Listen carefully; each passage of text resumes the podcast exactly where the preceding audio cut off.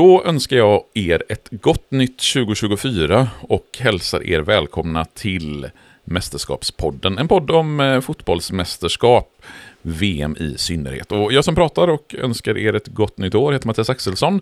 Och förutom att jag önskar er lyssnare ett gott nytt år så önskar jag också dig, Gustav Brink Larsen, ett gott nytt år. Ja, gott nytt år på dig med Mattias. Välkommen till 2024.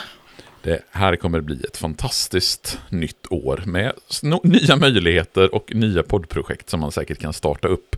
Verkligen. Innan, innan man ens avslutar sina gamla, så som jag tenderar att göra ibland. Lite så, du har väl startat upp en ny podd som känns som den kommer varje dag just nu. Du menar Svenska högtider och traditioner? Ja, precis. Ja, den är ju, den, det är ju ganska intensivt här just kring jul och nyårs och trettonhelgen, så att det, nu kommer det mycket. Sen kommer det ju bli färre avsnitt på sommaren till exempel och även under hösten. Så att, eh, vi får väl se eh, vad som blir av.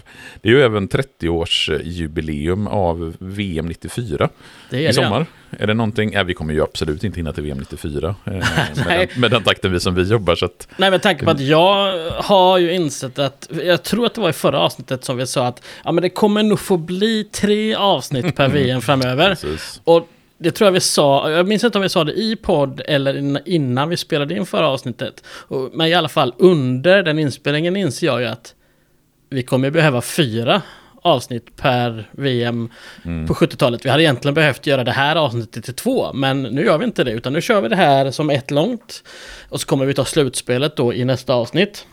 Mm. Um, men uh, jag tänker att 74, det kommer bli fyra avsnitt. För att mm. uh, där går vi in, det blir dubbla gruppspel och sådär dessutom. Så att, uh, ja, saker och ting kommer ju... Det kommer ta tid. Jo, men det tenderar ju att bli så att ju närmare nutid man kommer, desto mer intressant blir det. Och framförallt, ju, desto mer information finns det ju om de olika mästerskapen. Verkligen. Det finns ju, även om, alltså VM 70, det är klart du skulle egentligen kunna gräva fram hur mycket information som helst redan nu. Men eh, när vi kommer fram till 80 och 90-talet så, ja men där är det verkligen, det, det handlar om att plocka bort information snarare än om att hitta ny information känns det som.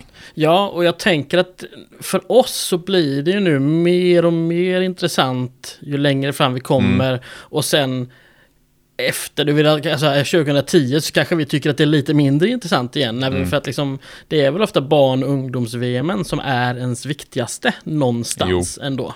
Jo, men det är ju liksom de, eh, de världsmästerskap som någonstans inträffar mellan man är 10 och 20, säg, är ju de, och för min del så är ju det mästerskapen mellan 1988 och 98 skulle det ju vara. Men om jag skulle liksom säga så här, mina mästerskap, det är från EM 1988 fram till VM 2002. De är jag riktigt intresserad av. Okay. Sen, säger, sen säger jag fortsatt, visst, jag, jag hänger med EM 2004, VM 2006, och kanske ytterligare några mästerskap.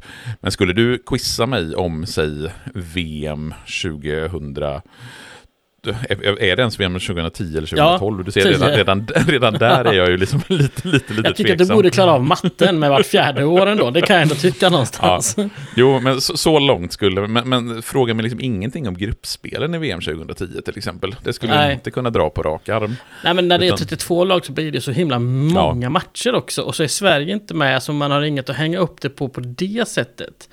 Eh, jag är ju lite, alltså för mig är det 92 till 2004 som är liksom, mm. och det är ju Sami Fallan med liksom ett, ett gäng bra svenska mästerskap ändå liksom. Sen är jag ju fortfarande, tyckte det var kul 2006, men Sverige gjorde ju, ja med tanke på hur vi åkte ut så var, blev det inte så jävla roligt där liksom. Med, med Lucic, röda kort och sådär liksom. Men nu, ja vi är på 70-talet, är vi, jag säga ja, kvar, men vi går in på 70-talet nu ju. Ja vi går in på 70-talet genom att vi i detta avsnitt ska närma oss VM 1970. Vi pratade ju i förra avsnittet om eh, mästerskapen mellan 66 och 70 70. Så vi har ju egentligen inte kommit in på 70-talet riktigt än, eftersom Nej. vi liksom inte har börjat prata om, om världsmästerskapet. Och vad är tanken att vi ska göra idag egentligen? Nej men tanken idag är ju alla förutsättningar inför mästerskapet och hela gruppspelet. Mm. Eh, det är väl det som jag ska försöka få med här nu på två, förmodligen kanske till och med tre timmar då. Mm. Eh, beroende på mitt prattempo. Men det, ja, det, det är så det får bli helt enkelt. Yes. Eh, ska vi börja med vilka 16 lag det är som vi har tagit oss till, eller som har tagit sig till världsmästerskapen? Ja, det var ju då eh, Belgien, Brasilien, Bulgarien, El Salvador, England, Italien, Israel, Marocko, Mexiko, Peru, Rumänien, Sovjet, Sverige, Tjeckoslovakien, Uruguay och Västtyskland.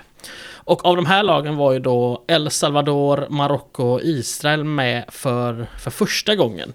Marocko mm. är ju faktiskt första afrikanska lag sedan Egypten var med 1934 att vara med då. Och bara mm. det andra laget någonsin. Och eftersom 34 ju bara innehöll slutspelsmatcher och Egypten åkte ut direkt så är det här alltså den andra VM-matchen någonsin för ett afrikanskt eh, lag. Mm. Men i alla fall, från och med nu, alltså 1970, så har det i alla fall varit med minst ett afrikanskt lag per VM. Så att nu börjar ju Afrika få lite representation i alla fall. Mm. Och utöver de tre helt nya lagen då så var ju Belgien, Rumänien, Peru, Tjeckoslovakien och Sverige inte heller med 66. Så av de 16 lag vi har så är 8 eh, nya jämfört med föregående VM då så att säga. Eh, och brassarna som vi alltid vet är de enda som varit med i samtliga mästerskap numera. Mm. Och själva världsmästerskapet ska ju hållas i Mexiko som vi pratade om i förra avsnittet. Bland annat så pratade vi ju om OS 1968 som också det hölls i Mexico City. Eh, det känns ju som att det vi pratade om Mexico City OS 68 i, i sig skulle räcka till ett eget poddavsnitt. Så att, eh, det är ju det är så vi jobbar, känns det som. Yep. Pratar för mycket och för länge om eh, saker som kanske inte riktigt har med saken att göra. Eh, men vi har pratat ganska lite om Mexiko generellt och om den mexikanska fotbollen här på sent 60-tidigt 70-tal. Eftersom de var ju inte med och behövde kvala i och med att de är då direkt kvalificerade som värdnation. Vad kan, vad kan vi säga om statusen för mexikansk fotboll sent 60 tidigt 70-tal? Nej, men alltså, om vi börjar med att kolla på deras VM-historia så är det ju ingen jätterolig läsning, även om de har varit med i alla mästerskap utom 34 och 38. Eh, 38 valde man ju så att dra sig ur och 34 var ju det här märkliga då man egentligen var där men så eh, hade USA anmält sig för sent till kvalet men fick ändå vara med. Så att det blev en kvalmatch tre dagar innan själva VM började. Mm. Eh, det var ju sådär, ja. Men resten av mästerskapen har man ändå tagit sig till då och där har man inte haft någon framgång. För att man har spelat 17 VM-matcher hittills och vunnit en av dem. Tre har man kryssat och 13 har varit eh, förluster. Och de mm. åker ju såklart med det facitet ur gruppen varje gång. Men om man också ska se det lite mer positivt så, ja men i, i, de tre första mästerskapen, då förlorade mm. man alla matcher. Men 58 tog man sin första poäng, 62 sin första seger och 66 så kryssade man faktiskt två och förlorade bara en. Så man börjar någonstans ändå kunna hävda sig lite grann i alla fall. Och på hemmaås då tog man sig till semifinal och en, en slutlig fjärdeplats och det är ändå någonting liksom. Mm. Eh, men jag kikar på truppen här och kan inte påstå att det är någonting som slår mig i liksom spelarväg. Eh, att alla spelare spelar i den inhemska ligan är ju precis som vanligt för Mexiko. Det skulle dröja till 86 innan de hade sitt första utlandsproffs i VM. Det är ju inte ovanligt för något land ska sägas. Det var ju betydligt mycket mer så på den tiden att de flesta lagen hämtade de flesta spelarna från, sitt egen, från sin egen liga. Eh, men liksom, de namn jag känner igen för Mexiko, det är de vi pratat om som var med i VM 66 liksom. Mm. Eh, det är inga som finns i mitt allmänna vetande. Nej, nej, men det känns ju som att det är rimligt. Men hur är det då generellt eh, att spela VM i Mexiko? Slutet på maj, början på juni, alltså på den mexikanska försommaren. Det finns en del problematiska saker där. Du tänker att stora delar av Mexiko ligger på en hög platå till exempel? Mm, det är väl det vi alla tänker på, just den höga, det som gör att Bob Beamon kunde hoppa 8,90 i eh, OS i Mexiko, det är ju just den höga höjden. Jag tänker att det påverkar även eh, fotboll. Ja, dels det och dels att det var 30 plusgrader, det var ju liksom inte ovanligt. Det, det är ju en smula problematiskt. För liksom den den lägsta arenan är ju den i Guadalajara och den ligger 1500 meter över havet. Och det låter ju kanske inte så mycket, men det är ändå, alltså det påverkar ändå människokroppen att vara mm. en och en halv kilometer över, över havsytan. Toluca högst placerad med nästan 2700 meter och liksom då började det bli högt på riktigt. Azteca-stadion som ju går att kalla för liksom huvudarenan, den som har flest matcher inklusive finalen, den ligger på cirka 2200 meters höjd. Så akklimatisering var ju nödvändigt. Eh, för lagen som skulle komma dit. Det var ju ja, lite som när man åker till ett land som ligger en lång tidszon bort, att man åker dit lite längre i förväg för mm. att hinna vänja sig vid tidszonen. Här behövde man ju vänja sig vid, vid den höga höjden. Um, så att det, det var ju en process liksom. Men Mexiko som land för mig är ju liksom... Mm.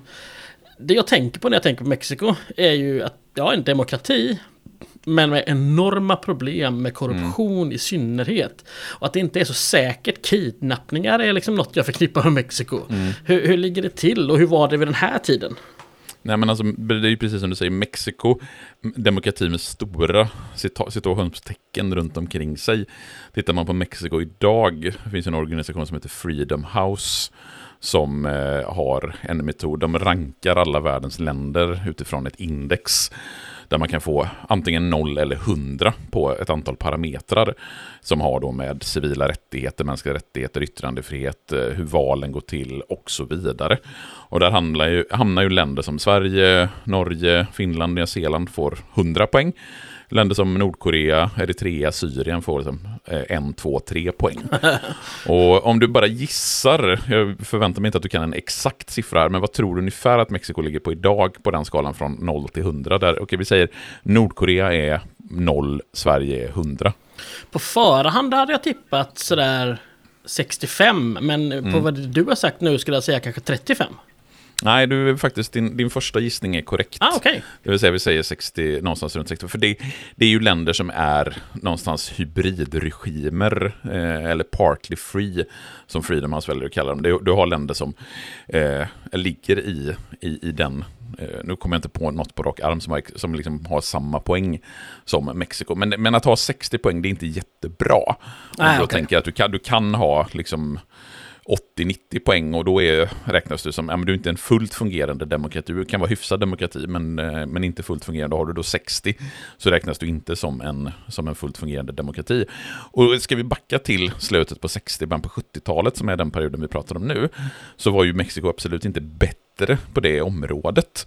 För allt sedan man genomgick den mexikanska revolutionen på 1910-talet så var ju Mexiko i praktiken en enpartistat. Och det är ju det PRI, jag ska inte ens ge mig på att försöka uttala det på spanska.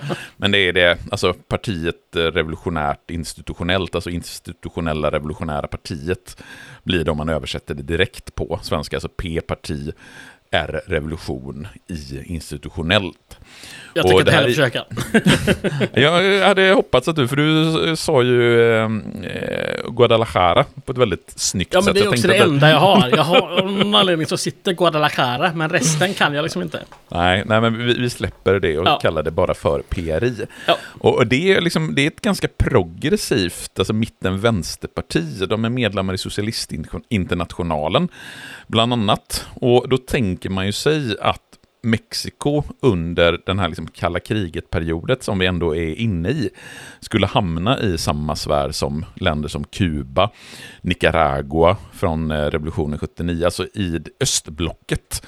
Alltså om du har ett parti som heter Revolutionära institutionella, eller parti, internationella revolutionära partiet som då är lite vänsterlutande under kalla kriget, ja men då skulle du nästan automatiskt hamna i östblocket. Men där, där är ju inte Mexiko, utan närheten, alltså man har en lång landgräns till USA, gör att man hamnar på västsidan ja, men för, för att, kriget. Ja, för att både Mexiko och USA tycker att de tjänar på det, då gissar jag liksom. Alltså ja. hellre än att ha en lång krigszon där, så är det bättre för båda att bara leva med det man har någonstans. Ja, nej men du kan ju tänka dig om Mexiko hade varit ett Kuba oh. och har den långa landgränsen. Alltså Kubakrisen hade ju blivit en Mexikokris och vad det, med allt vad det innebär med oh. just en lång landgräns. Och alla de, så att på något sätt så blir det väl så, utan att jag kan detaljerna exakt i varför Mexiko hamnar på västsidan i kalla kriget, så är det ju den geografiska närheten till USA, med, USA som är helt avgörande. Och Mexiko under den här perioden beskrivs just som ett camouflaged dictatorship av Mario Vargas Llosa som eh, har liksom ett långt citat om hur Mexiko ska beskrivas. Men just de här två orden tycker jag beskriver det så bra på något sätt. Att man är en diktatur, men man är en diktatur liksom ändå med en skimär av någon typ av progressivitet och inflytande för medborgarna. Men tittar man på, alltså, egentligen fram till år 2000, så är det ju PRI som är det, den dominerande kraften. Det är de som innehar alla presidentposter, det är de som har så gott som alla mandaten i den mexikanska nationalförsamlingen. Eh, även om man har val så är det, alltså, ja, fan, vi har val i Turkiet, vi har val i ja. Ryssland, vi har till och med val i Nordkorea. Precis. Men det betyder inte att länderna är demokratier. Nej. Och sen under, jag kommer inte ihåg om vi pratade om massakern under OS i Mexico City. 68. Nej, det gjorde vi inte. Nej, men det är ju, för så som det tenderar att bli, och framförallt så som det tenderar att bli under kalla kriget.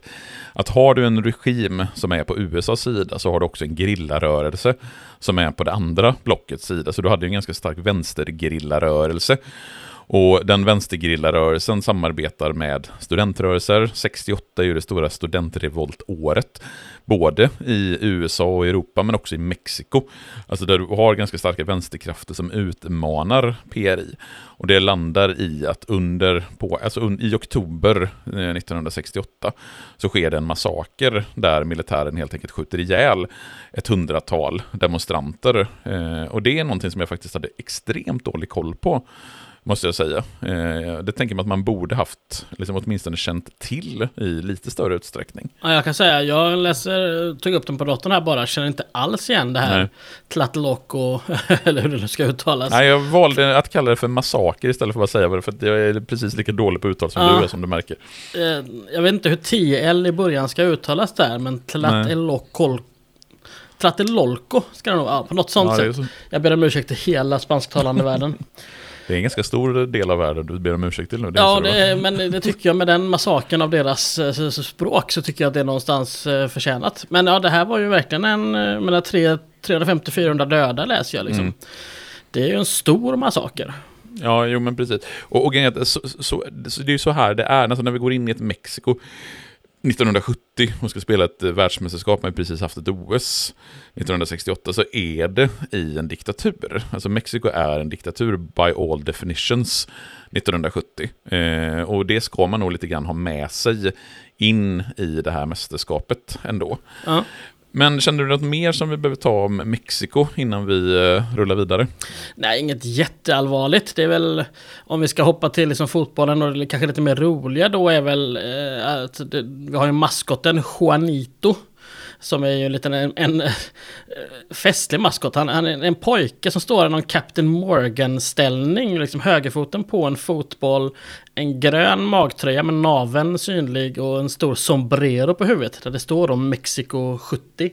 Det, det känns liksom... Jag vet inte vem som designade den, men det känns lite nidbildaktigt. Sen vet jag inte om det är så eller om det, om det liksom är, är något som de är helt fine med själva. Det vågar jag inte svara på. Mm. Ja, nej, det tål att undersökas ja. eh, lite närmare. Men jag förstår att du har lagt in research-tid på andra saker än vem som gjorde Juanito. Lite så. Eh, ett annat lag som vi inte har pratat så mycket om i föregående avsnitt det är ju England som ju också är direkt kvalificerade som eh, regerande världsmästare. Eh, hur har de eh, skött sig sedan VM-guldet 1966? Jo men bra, har de gjort det. Om, om, vi ser till de brittiska mästerskapen så har de stått som ensamma vinnare i två av de fyra mästerskapen som ägt rum och, och kommit tvåa i ett. Och det avslutande här så delade de Skottland och Wales titeln, vilket är roligt att tre lag liksom delar på en titel i en fyrlagsturnering. mm. ehm, och de tog sig till EM 68, kom trea där och, och det faktum att de har spelat 35 landskamper efter VM-finalen 66 fram till den sista träningsmatchen 1970 så vinner man liksom 21, kryssar 10 och förlorar endast 4. Det är ändå mm. ett rätt bra facit och man, man går ändå in i VM här som en av favoriterna. Mm. Och det, är, det har liksom gått fyra år sedan 66. Är det några, några spelare kvar? Det bör det väl ändå vara. Det är, fyra år är inte en jättelång tid. Nej, jag skulle säga att det är, det är lagom med spelare mm. kvar. De har inte gått i Brasiliens fälla på samma sätt. Man har kvar nio spelare från truppen 66. Eh, mm. dels är det reservmålvakten Peter Bonetti. Han spelade ju inget 66. Eh, skulle ju faktiskt få spela vad som blir deras sista match i det här mästerskapet. Men det tar vi i nästa avsnitt, för det är ju då i slutspelet. Mm. Eh, och de åtta utöver honom eh, som är med i truppen var även med i startelvan i finalen 66. Det handlar om målvakt Gordon Banks, det är Bobby Moore, Jackie Charlton från mittförsvaret. Det är hela mittfältsfyran med Nobby Styles, Alan Ball, Martin Peters, Peters och Bobby Charlton. Mm. Samt då Jeff Hurst längst fram. De tre som spelade finalen men som inte är med här är då Roger Hunt, Ray Wilson och George Cohen. Om vi tar dem baklänges så hade Cohen tvingats slänga av året före, bara alltså 69. Bara mm. 29, 29 år gammal på grund av skador. Ray Wilson spelade fortfarande fotboll men hade också hindrats av skada. Han har varit borta med en knäskada 68 och när han kom tillbaka så hade Terry Cooper gjort vänsterback, vänsterbacksplatsen i landslaget till sin. Så han var ur, ja, ur truppen. Och Roger Hunt hade också varit med i landslaget fram till januari 69. Men i december det året, när han var 31, så gick han från Liverpool till Bolton som då låg i andra divisionen. Och karriären verkade som ha dalat efter det. Och här får vi komma ihåg att 30-31 fotbollsmässigt är det betydligt äldre här 1970 än vad det är nu 2024. Liksom att lägga av strax efter 30 då var ju inte jätteovanligt. Nej. Numera är väl 35 närmare när de flesta lägger av, skulle jag säga. Det känns som att det har gått ett antal år där liksom. Men han är inte heller, trots att han då har liksom åtta finalstartspelare kvar, så är Alf Ramsey inte nostalgisk med dem. För, för um, Jackie Charlton som ju var ordinarie hela VM 66 i mittförsvaret, han är ersatt här. Nobby Styles gör inte en sekund i det här mästerskapet, trots ett bra VM 66. Så det är sex spelare från truppen 66 som startar i deras premiär här 1970. Och jag kan väl tycka att med fyra års mellanrum, man behöver lite förnyelse. Jag tycker det är en rimlig siffra liksom. Mm, ja, nej, men det känns ju som att det är det är, så, det är så det ska vara på något sätt. Mm. Eller det är inte orimligt i alla fall. Men så drabbas ju England av en märklig sak under upplandningen. Ja, det får man väl lugnt säga. För, för de var i Sydamerika före VM för att anpassa sig då till det här spela på hög höjd. Man skulle spela mot Colombia den 20 maj, sen flyga vidare till Ecuador för en match där den 24 maj. Och för kontexten här då kan man berätta att England skulle spela sin första match i VM den 2 juni. Så det är ändå drygt veckan kvar. Man har liksom Ecuador, det är åtta dagar till nästa match efter det liksom. Mm. Men i korthet var det det här som hände, att man hade flugit till sin bas i Mexiko, liksom etablerat sig där. Den 18 maj flög man sen ner till Bogotá och checkade in på ett hotell, hotell Tequendama. Och sen är det lite oklart för det finns många olika historier här och många människor som berättar det lite på olika sätt. Men det som någonstans är klarlagt är att det fanns någon form av presentshop på hotellet. Som bland annat sålde smycken. Mm. Och det är liksom många spelare, om inte alla, så väldigt många spelare besökte den shoppen under tiden där. Det var liksom på hotellet, det var ju bara att gå ner till lobbyn så var den där. Det gjorde Bobby Moore tillsammans med Bobby Charlton som letade efter något att köpa till sin fru.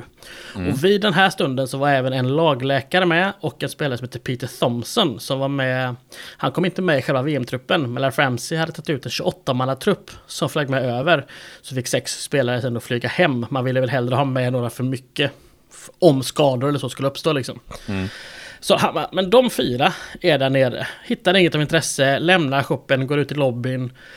Men de står kvar där och då kommer en kvinna som arbetar i shoppen ut och anklagar Bobby Charlton och Bobby Moore, och särskilt Bobby Moore, för att ha stulit ett värdefullt armband.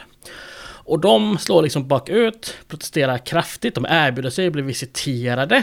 Mm. Men kvinnan, eh, Clara Padilla, eh, hon står på sig och det, samlas, liksom, det blir en grej här i lobbyn, det samlas folk. Mm. Dels typ hela laget, engelska laget, hotellpersonal, polis kommer dit.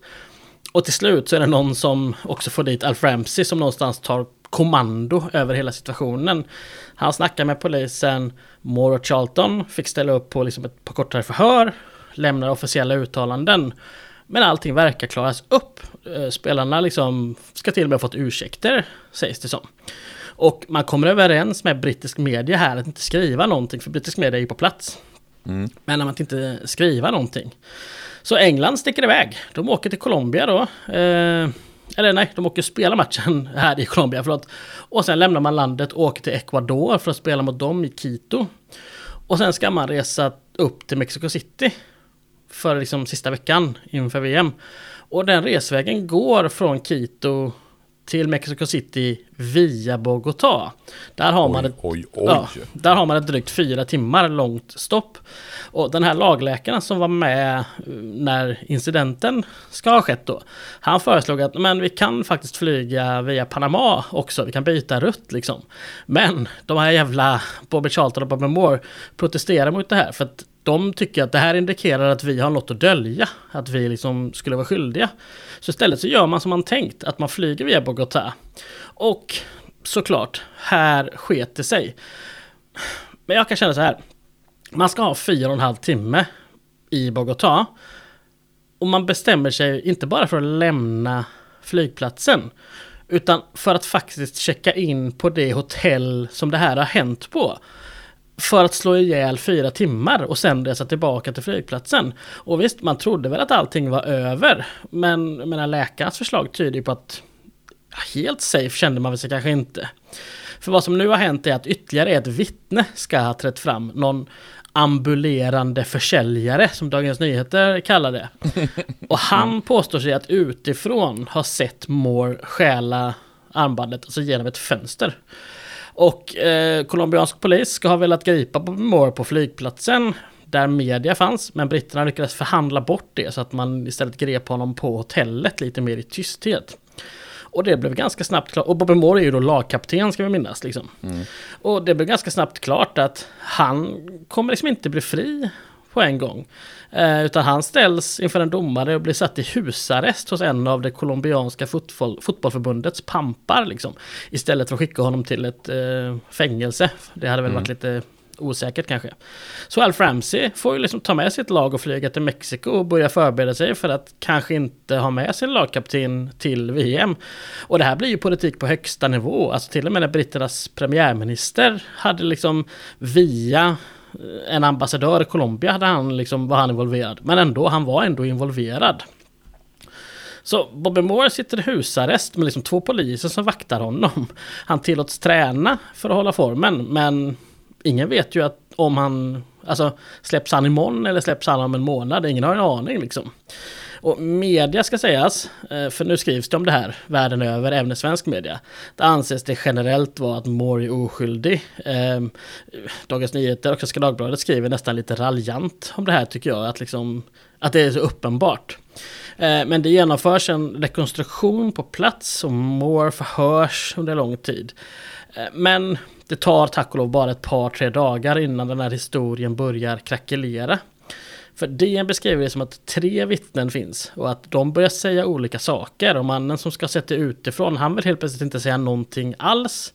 Hon Padilla, den första kvinnliga vittnet, hon påstår att Moore ska ha lagt armbandet i den vänstra fickan på sin bläser. Problemet var att den bläsen hade ingen vänsterficka. Så att det är svårt att lägga den i en ficka som inte finns. Och dessutom eh, Joao Saldania som var brassarnas förbundskapten under deras VM-kval året innan. Han har gått ut och sagt att han hade ett årtionde, tionde, ett årtionde tidigare bott på samma hotell med Botafogo som han då tränade. Och de råkade ut för en väldigt lik incident. Mm. Så allt som allt, den 28 maj så togs Moore till domaren som konstaterar att det finns inga bevis. Men man släpper honom ändå bara villkorligt. Men han fick flyga till Mexiko. Skulle med jämna mellanrum infinna sig på den colombianska ambassaden där så de visste var han var. Men det slopade man ganska snabbt. Men han kom i alla fall upp några dagar före matchen och togs varmt emot av både spelare och ja, så kanske framförallt Alf Ramsey då. Um, och han skulle ju spela Englands matcher i, i slutspelet till slut.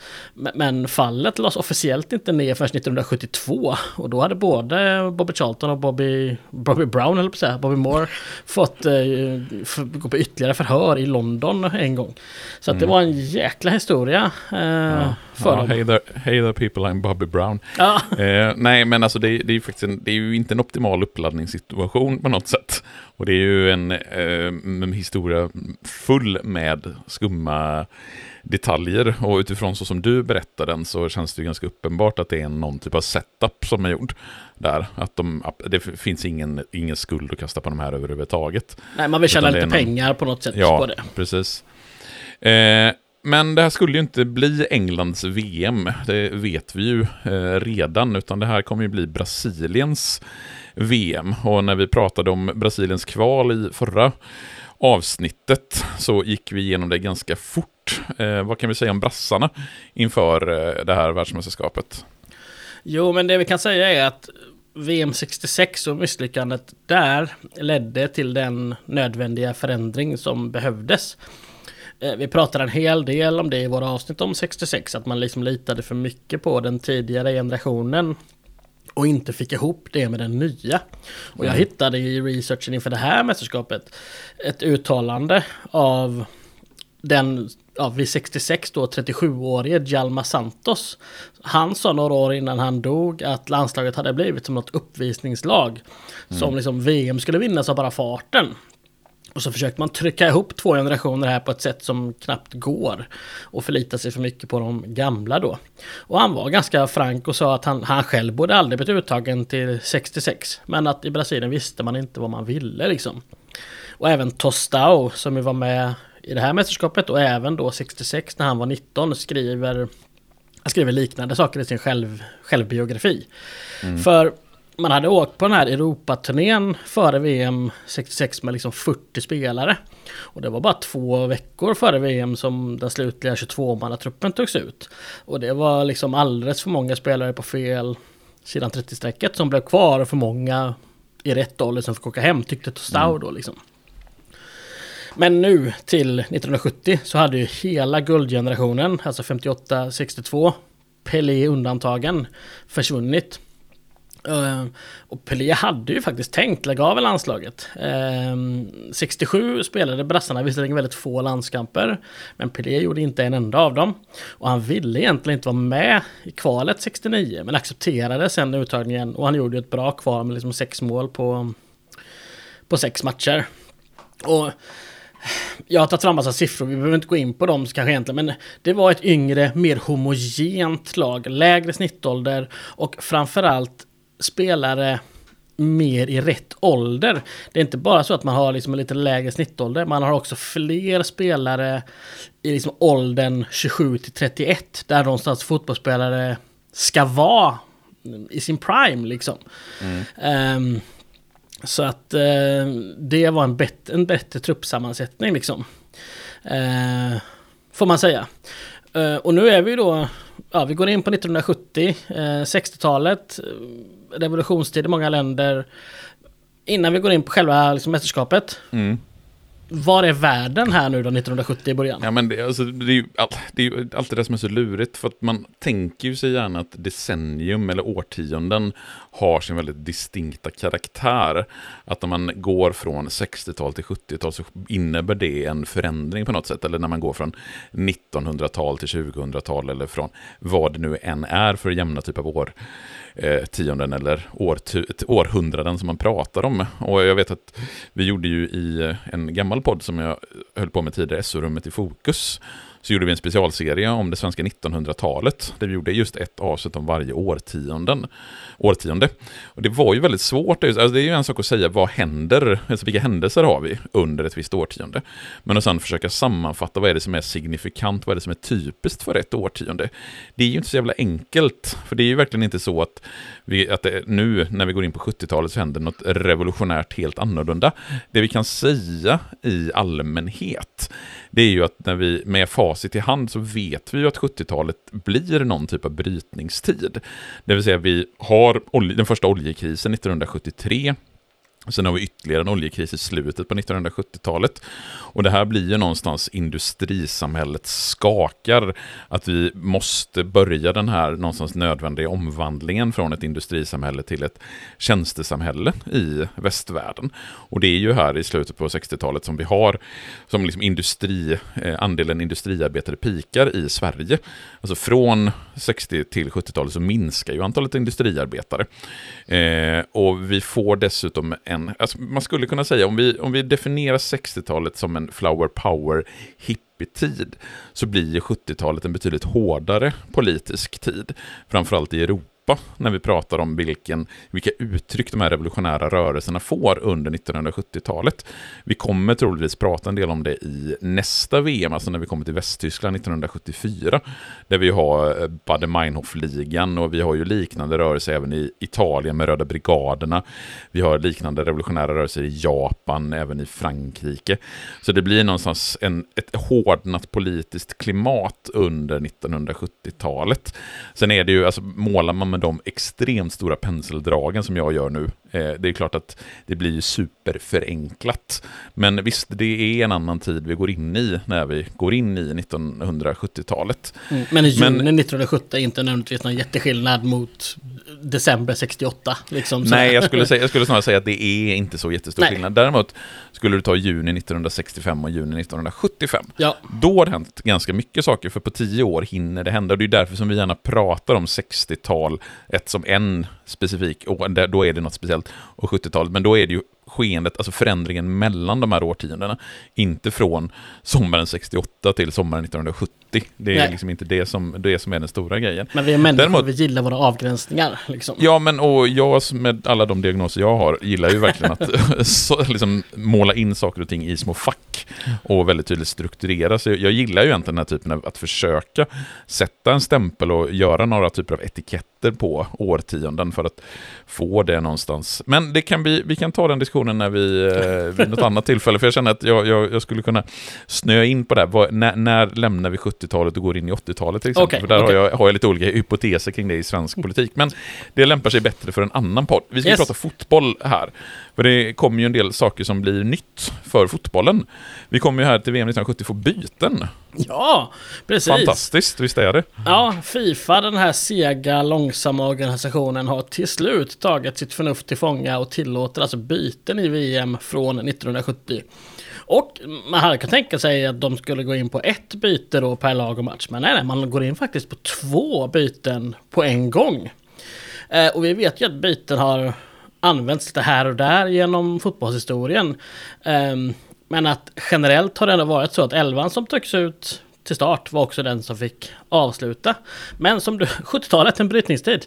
Mm. Eh, och här var en brytningstid, 60-talet var en brytningstid gällande byten. För, för skador hade det införts i engelsk fotboll till säsongen 65-66.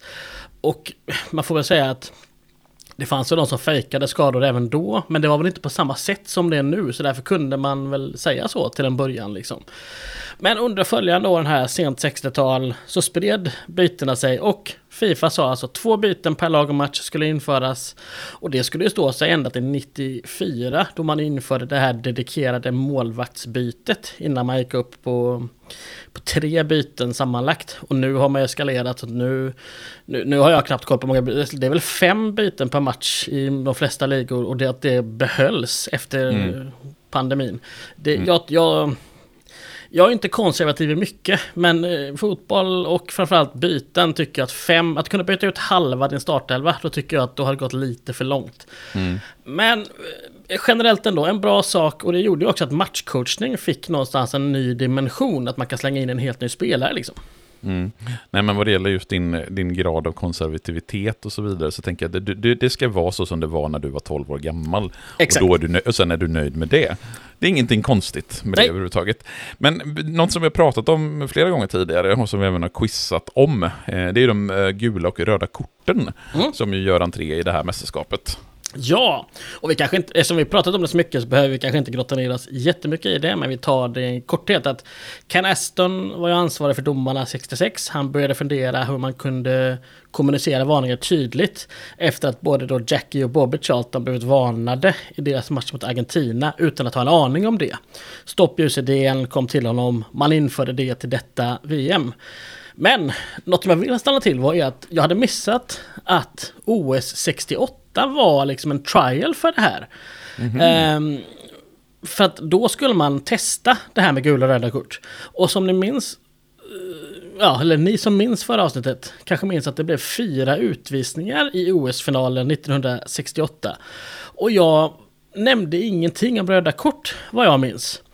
Och nu har jag sett tillbaka på de bilderna och det är liksom, bildkvaliteten är så oerhört dålig. Alltså det är verkligen, det är svartvitt och det är dessutom stora band på liksom, alltså det, det är verkligen, det, det är 30-talskvalitet snarare än liksom sent 60-talskvalitet.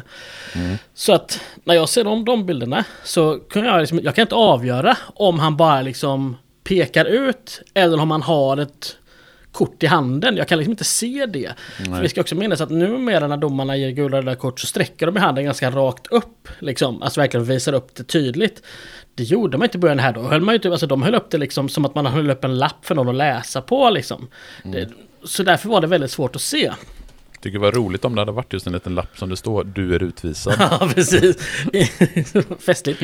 Och så har de den på alla språk som kan vara aktuella också. exakt, exakt. Ja. Men skam den som ger sig. För jag hittade en knappt två timmar lång dokumentär om OS 68 på YouTube. Mm. En dokumentär som var i färg. Och där, efter drygt 49 minuter, ja, då kommer bilder från den här finalen. Och då är det inte de här svartvita enkamerasbilderna med liksom bortom all form av räddning. Utan då är det färgbilder, massa klipp, olika kameror och kanske inte HD-kvalitet men fan inte långt därifrån. Liksom Bulgariens 1-0 mål, så som det, det såg som att det var filmat med drönare ovanför mål. Alltså det är superbra kvalitet. Mm. Eh, så när utvisningarna väl då kommer kan jag ju säga att inte fan viftar han med ett rött kort. Utan Nej. han pekar ut dem. Och visst, det klipps fort och liksom det är en dokumentär där fotbollen var en liten del. De hoppar rätt fort förbi det här liksom. Men så liksom, man kan tänka sig att de inte fick med det. Men du kanske minns att den tredje bulgaren åkte ut för att ha kastat bollen på domaren. Mm, precis. Och, och den sekvensen ser man förhållandevis oklippt. Man ser att domaren får bollen i huvudet, han ser vem som gjorde det och visar ut spelaren bara genom att peka. Inget kort åker upp. Så här kunde jag stannat och fastslagit att i finalen var det i alla fall inga röda kort som visades. Och varför man inte skulle haft korten i finalen men resten av turneringen, det tyckte jag var märkligt. Så jag kom fram till det och så tänkte att nu är jag klar här. Men så lät jag den här dokumentären rulla lite. Och vid slutsignalen så ser man en massa glada ungrare, varav en ser ut att lite busigt vilja ta med sig bollen, vilket domaren inte uppskattar alls. Så omväxlande mellan liksom kindpussande ungrare så klipps vi till domaren som har pipan i munnen och visslar med den, ett argt ansiktsuttryck för han vill ha bollen. Och två kort i ena handen. Ett gult och ett rött. Och jag har kollat på de här bilderna många gånger. Och det är glasklart. Det, är liksom, det, här, är inte, eh, det här är inte anteckningsblock eller bok som liksom kan lura mig. Det här är ett gult och ett rött kort. Så vi får ändå till slut konstatera att det provades nog i OS 68. Bara att finaldomaren inte var så duktig på att använda dem. Utan han kunde väl då tydligen kommunicera med spelarna så pass bra att han kunde visa ut dem utan att visa det röda kortet liksom. Men ja, uppenbarligen tyckte man ändå att testet blev lyckat. Och därför får vi ju då se gula och röda kort här i VM 70. Eller nej, vi får se gula kort i VM 70. För det här blir det andra världsmästerskapet där ingen blir utvisad. Så det första VM 1950 var där ingen blev utvisad. Och det är bara de två gångerna som det har hänt. Men 1970 hade vi fått se ett rött kort om någon hade blivit utvisad. Men ett gula kort får vi se. Mm. Nej, men så det här är ju en sån här, dels eh, hatten av för ditt researcharbete. Jag hoppas att du lägger ut några filmklipp på vårt Instagram-konto. Jajamän. Eh, där man kan få se detta med, med gula och röda kort. Sen är det en sån här skön slamkryparfråga om eh, vilket världsmästerskap var det första gången någon blev utvisad med hjälp av röda kort. Ja. Folk som då tror att de har koll och tror att det är VM 1970 för att de vet att röda och gula kort infördes till VM 1970. Men då bör svaret vara VM 1974. Så är det. Eftersom då eh, du sa att det var bara 50 och 70 som ingen blev utvisad. Så jag förutsätter att någon blir utvisad i VM 1974. Men dit kommer vi. Mm. Eh, det är ett par sista små saker du känner att du vill gå igenom innan vi börjar prata, med, prata fotboll mer. Ja, men dels att det är det första VMet som sänds i färg, där det går. Eh, inte alla länder kunde ju visa färg-tv än, där var det fortfarande svartvitt. Men 66 är liksom generellt det sista svartvita mästerskapet, från 70 är det färg. Och när man kollar highlights är det också så, det, de flesta highlights-paketen är i färg. Och därför tycker jag att det känns som en jättebrytpunkt. Visst, jag har mm. sett större delen av VM-finalen 66, färglagd, alltså kolorerad. Mm. Men det är inte samma sak som att se det faktiskt i riktig färg om man säger så liksom. Även om det är skitbra och jag älskar koloreringen, jag tycker att det gör mycket. Men mm. här har man, här är alla bilder i färg och det gör, det gör skillnad. Mm. Och sen har det även kommit en ny typ av boll, Telstar. Eh, klassisk 32-panelsdesign med svartvitt mönster. Eh, vad vill du säga om den här klassiska matchbollen? Ja men det här är ju någonstans, det här är ju fotbollsbollen. Alltså mm. om någon ska måla en fotboll så är det ju den här klassiska svartvita liksom. Eh, så, som, det... så som man satt och målade på tråkiga geografilektioner eh, i sexan. Så satt man och målade dem eh, mönstren. Ja. Och det var det mönstret från 1970 som man använde sig av då. Ja, det, det är liksom det som är en, en fotboll. Jag tänker att emojisar på liksom, eh, i våra, våra telefoner, det är så här fotbollarna ser ut. Liksom. Mm. Sen fanns det även en brun version som användes i några matcher när det behövdes. Um, det var Adidas, Adidas Telstar, eh, och de har gjort alla matchbollar sen dess till VM. De har ju ja, det kontraktet så att säga. Um, en tidigare variant av den här bollen introducerades i EM68 och den här nu då är en något modifierad variant, även om den är lik sin föregångare. Det är också det här mönstret som är logon till VM, så att eh, det är liksom, litar man en basic eh, eh, Rita en basic fotboll och en sombrero så har du typ VM 1970-loggon. Mm. Eh, något som jag tycker är intressant är att det levererades sammanlagt till VM 20 bollar. Vilket ju är helt orimligt få. Mm. Liksom, det måste ju vara mer än 20 bollar per match det levereras till dagens VM. Med liksom, ja.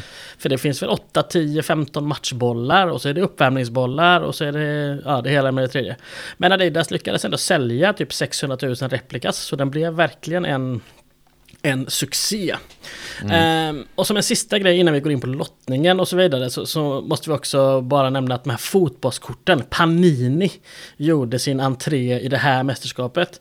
Jag vet inte hur, de, hur relevanta de är bland kids längre. Alltså, jag samlade ju på VM 94. Det var liksom, hade man mm. det albumet och satte in liksom. Jag har ju fortfarande ett fullt VM 90-album. Oh, det är klassen förmod, Förmodligen liggande hos mina föräldrar. Jag måste leta upp det någon gång så att vi har det när vi kommer till VM 90. Ja, jag lyckades aldrig fylla mitt 94. Mm. Ja.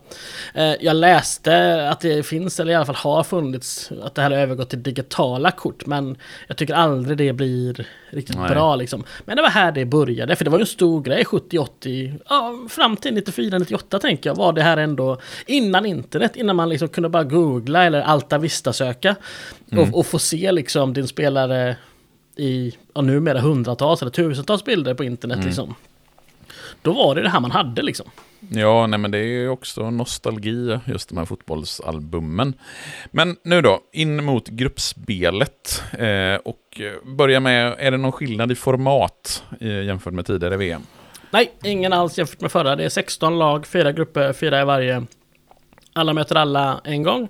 Ettan och tvåan till kvartsfinal och de andra slogs ut. Målskillnad eh, var det enda så här, skiljeinstrument eh, som man hade vid lika poäng. Alltså inget flest gjorda mål eller så. Nej. Eh, det här kommer innebära att vi i en grupp behöver lotta fram vilket lag som anses ha vunnit gruppen. För ettan och tvåan hade samma poäng och plus fem i målskillnad. Men det tar vi, det tar vi sen. Mm. Slutspelet var samma som tidigare. Oavgjort efter 90 minuter i kvart eller semi. Då följde 30 minuters förlängning och därefter lottning om det fortfarande hade varit oavgjort. Finalen hade Fifa varit lite kluriga och inte sagt vad som skulle hända om den var oavgjord efter 120 minuter. det, den slutade aldrig inte oavgjort, så vi får aldrig reda på vad de har tänkt sig. Men rimligtvis är det åtminstone ett omspel att, um, ja, att gissa på. Men mm. om de inte hade något S i rockarmen. Nej, så är det säkert. Eh, fyra grupper alltså som ska lottas. Och då är det väl lag som ska sidas, gissar jag? Ja, eh, ish. För här var det nästan lite kontroversiellt. Mm man, man, kunde inte komma överens om vilka lag som, som skulle sidas. För tanken var att ha fyra sidade lag som man har haft i de två föregående mästerskapen. Men man kom inte överens om hur det skulle göras. Så då meddelade Fifas organisationskommitté att det inte skulle bli någon sidning alls. Det här meddelade man samma dag som lottningen skulle äga rum, vilket var den 10 januari 1970. Mm. Eh, så som man gjorde istället var man, man grupperade de 16 lagen geografiskt. Och det här gjorde organisationskommittén helt på egen hand. Men man tog också lite luddigt hänsyn till lagens styrka. Plus en del politiska överväganden som ju ofta behöver tas.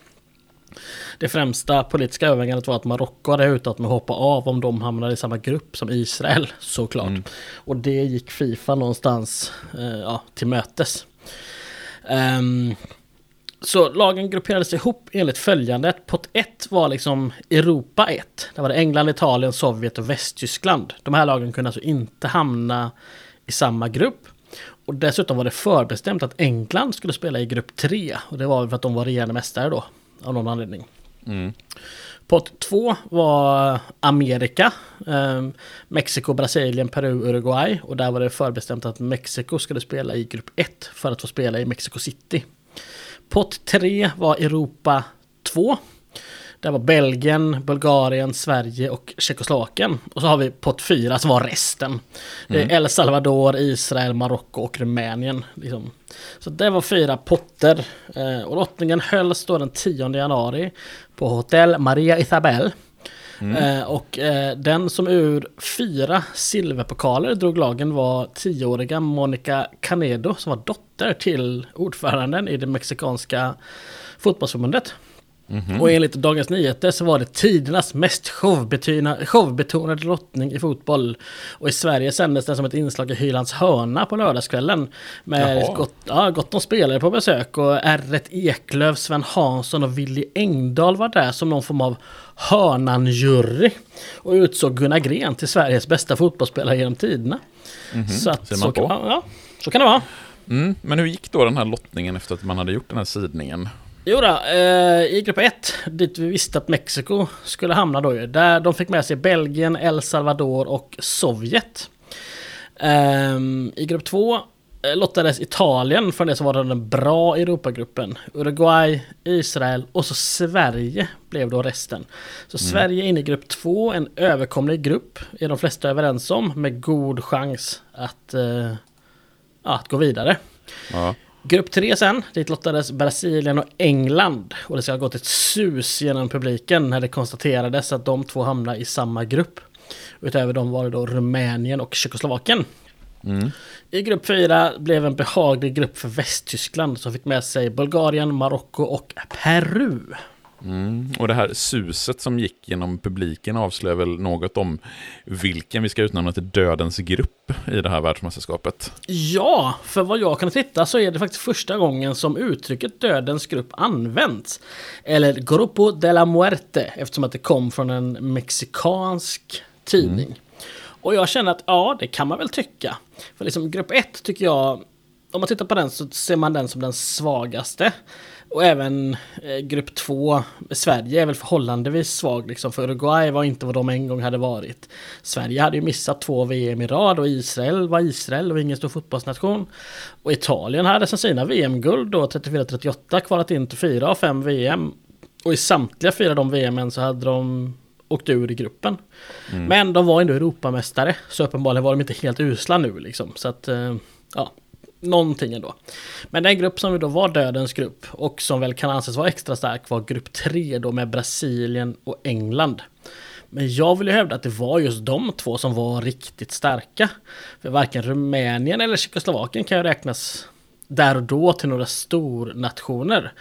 Men Tjeckoslovakien gick ju faktiskt till final åtta år tidigare. Alltså 62. De mm. missade mm. visserligen 66, men de var ändå final 62. Så då har vi ändå liksom vinnarna från 62 och vinnarna från 66 och ett finallag från 62. Det, det gör väl att uttrycket dödens går att motivera. Mm. Men, men, jag känner helt ärligt, om man tittar på de här 16 lagen. Är det inte en lite svag uppställning? Alltså så här, mm. Det finns en risk att jag har lite för moderna ögon på mig när jag saknar lag som Spanien, Holland, Portugal, Frankrike till viss del. Um, Argentina hade inte tagit medalj 1930 som man sa, men, men, men, man saknar ju ändå Argentina liksom. Mm. Um, och om man ser till liksom dåtidens stora lag så hade det, tycker jag i alla fall på förhand, känts starkare med typ Ungern och Jugoslavien i turneringen. Istället för Rumänien, eller Peru, eller Belgien, eller eh, El Salvador eller Israel. Eller Bulgarien. Ehm, mm. Därmed inte sagt att jag inte gillar det, tvärtom nästan. Jag gillar ju snarare när det inte är liksom bara de bästa. Jag tycker att jag minns inte vem eller vilket mästerskap som det här skrevs. Det, det, det var någon journalist som skrev att man vill ju ha de stora lagen i ett VM och mm. framförallt mm. långt i ett VM. Och jag känner verkligen att det är ju helt fel tänk. ja, liksom... det, det, nej, nej, absolut så är det ju verkligen inte. Det håller jag, där håller jag helt med dig. Ja, men jag tycker att det här är någon modern skiftning. Mm. Det, det, det, är ju som den här superligan i, liksom i fotboll som är på väg att bli verklighet. Liksom. Alltså, du och jag och många andra fotbollsfans protesterar ju kraftigt mot det. Men det finns ju de som vill se PSG Real mötas fyra gånger per år och köpa en fotbollströja varje år. Ena året är det PSGs, nästa år är det Reals. För att man, mm. man följer spelare istället för lagen. Och jag ska inte gnälla för mycket om det här. Liksom, jag, fot, ja, folk får vara som de vill. Men jag känner någonstans att det är, tycker jag, en lite svagare uppställning av lag i det här VMet än vad det varit många gånger. Utan att det är det minsta negativt. Jag bara konstaterar mm. det som ett faktum. Ja, nej men alltså jag är inte negativt inställd till din inställning i frågan. nej men, jag, nej, men jag, jag håller helt med dig i, ja. i, i det. Eh, ska vi ta oss in mot gruppspelet den här gången, eh, till det här världsmästerskapet 1970, för att nu äntligen börja prata lite fotboll på riktigt, alltså matcher som ska spelas. Det ska vi. Och vi gör det lite bakvänt och kör mm. grupperna i ordning 3, 4, 1, 2. Helt enkelt för att Sverige spelar i grupp 2 och vi tar mm. Sverige sist. Yes. Um, och att vi då kör 3 och 4 först är för att ettan och tvåan i de grupperna kommer mötas sen i kvartsfinal. Så jag tycker det blir, liksom, det blir en snyggare helhet att göra så liksom. Medan mm. då ettan och tvåan i grupp 1 och 2, de ska mötas i kvarten. Så vi kör den ordningen. Mm. Så då tar vi Grupo Duel Muerta, alltså grupp 3 med Brasilien, England, Rumänien och Tjeckoslovakien. Pang på! Ja, vi hoppar ju verkligen in i en av de mer intressanta grupperna. Med då som sagt eh, de tre senaste mästerskapens mästare tillsammans. Mm. Vilket ju är två lag visserligen.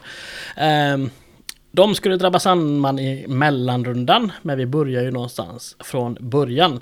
Så den 2 juni i Guadalajara, eh, där samtliga matcher i den här gruppen spelades.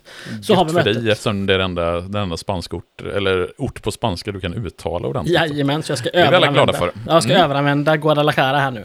Underbart. Men vi inleder med England, eh, Rumänien. Och jag sträcker upp händerna om Rumänien här och säger att jag vet helt ärligt inte jättemycket. Jag tittar på deras eh, tio mesta spelare och deras tio mesta målskyttar har jag liksom googlade jag fram här under, eh, ja, under researchen.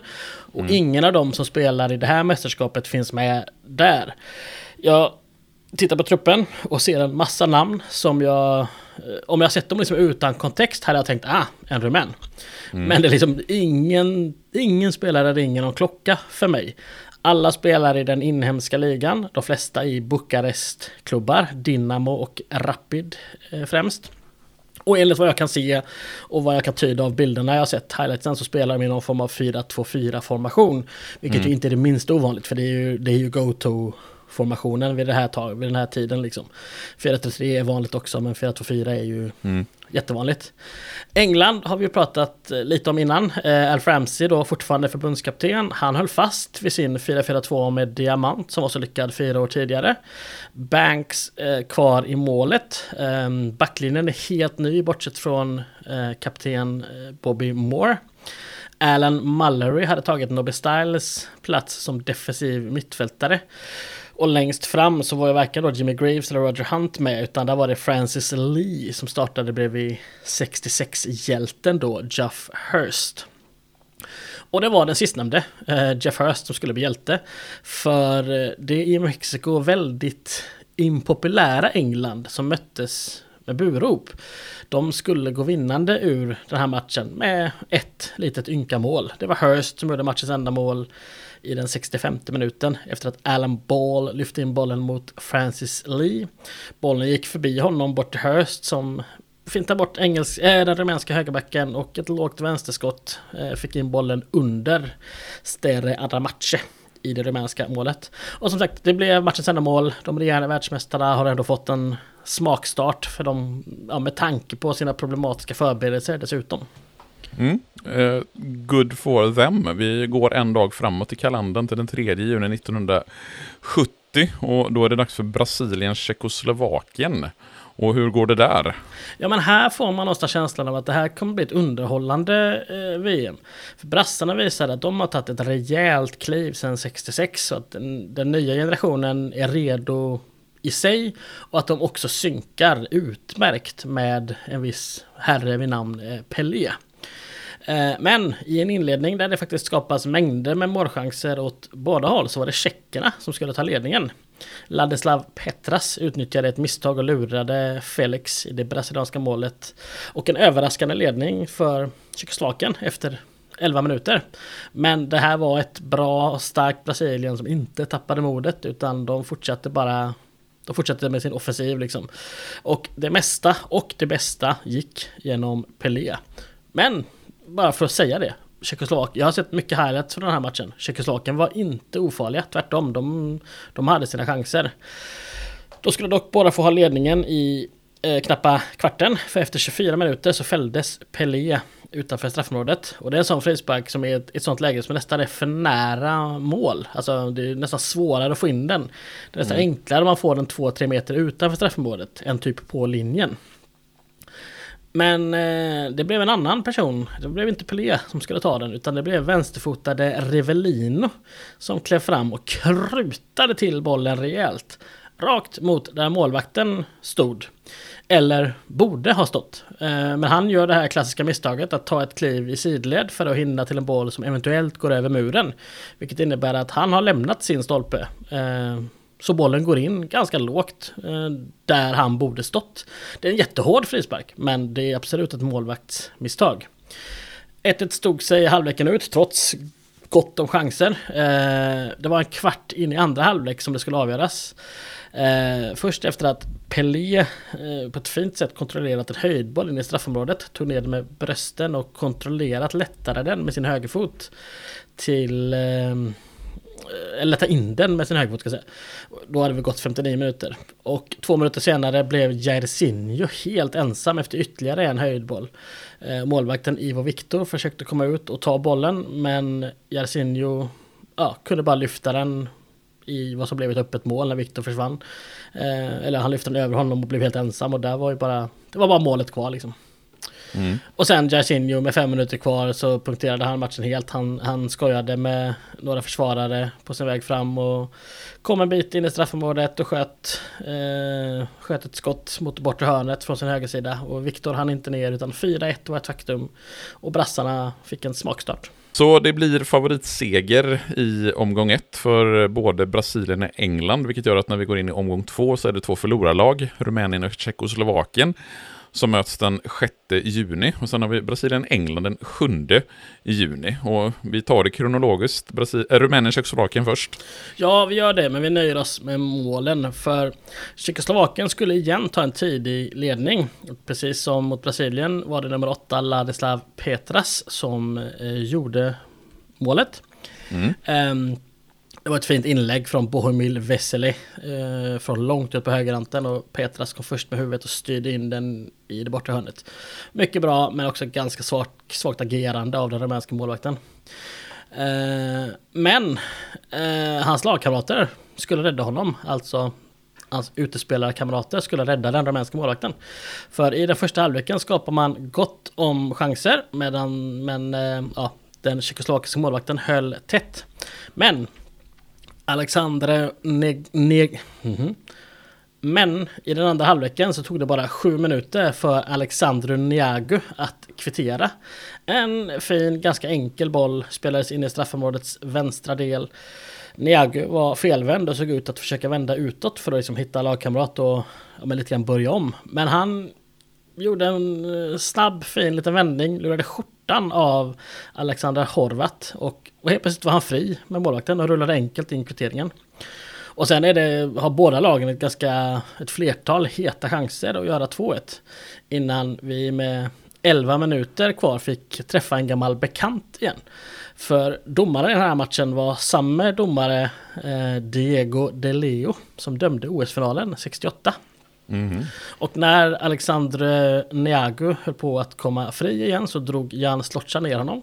Och eh, De Leo kunde inte göra annat än att blåsa straff. Och Floria Dumitrace han satte den stensäkert till sitt vänster. Och ja, det här var de enda tre målen som skulle komma. Rumänerna hade gjort två, Tjeckoslovakien ett. Och Rumänien hade därmed vunnit igen i VM för första gången sedan 1930 och såg då till att slutspel levde för dem. Mm. Och då tar vi den andra matchen i den andra omgången i den här gruppen. Och det är ju en match som har hypats på förhand, alltså England-Brasilien. Eh, lever matchen upp till den hypen?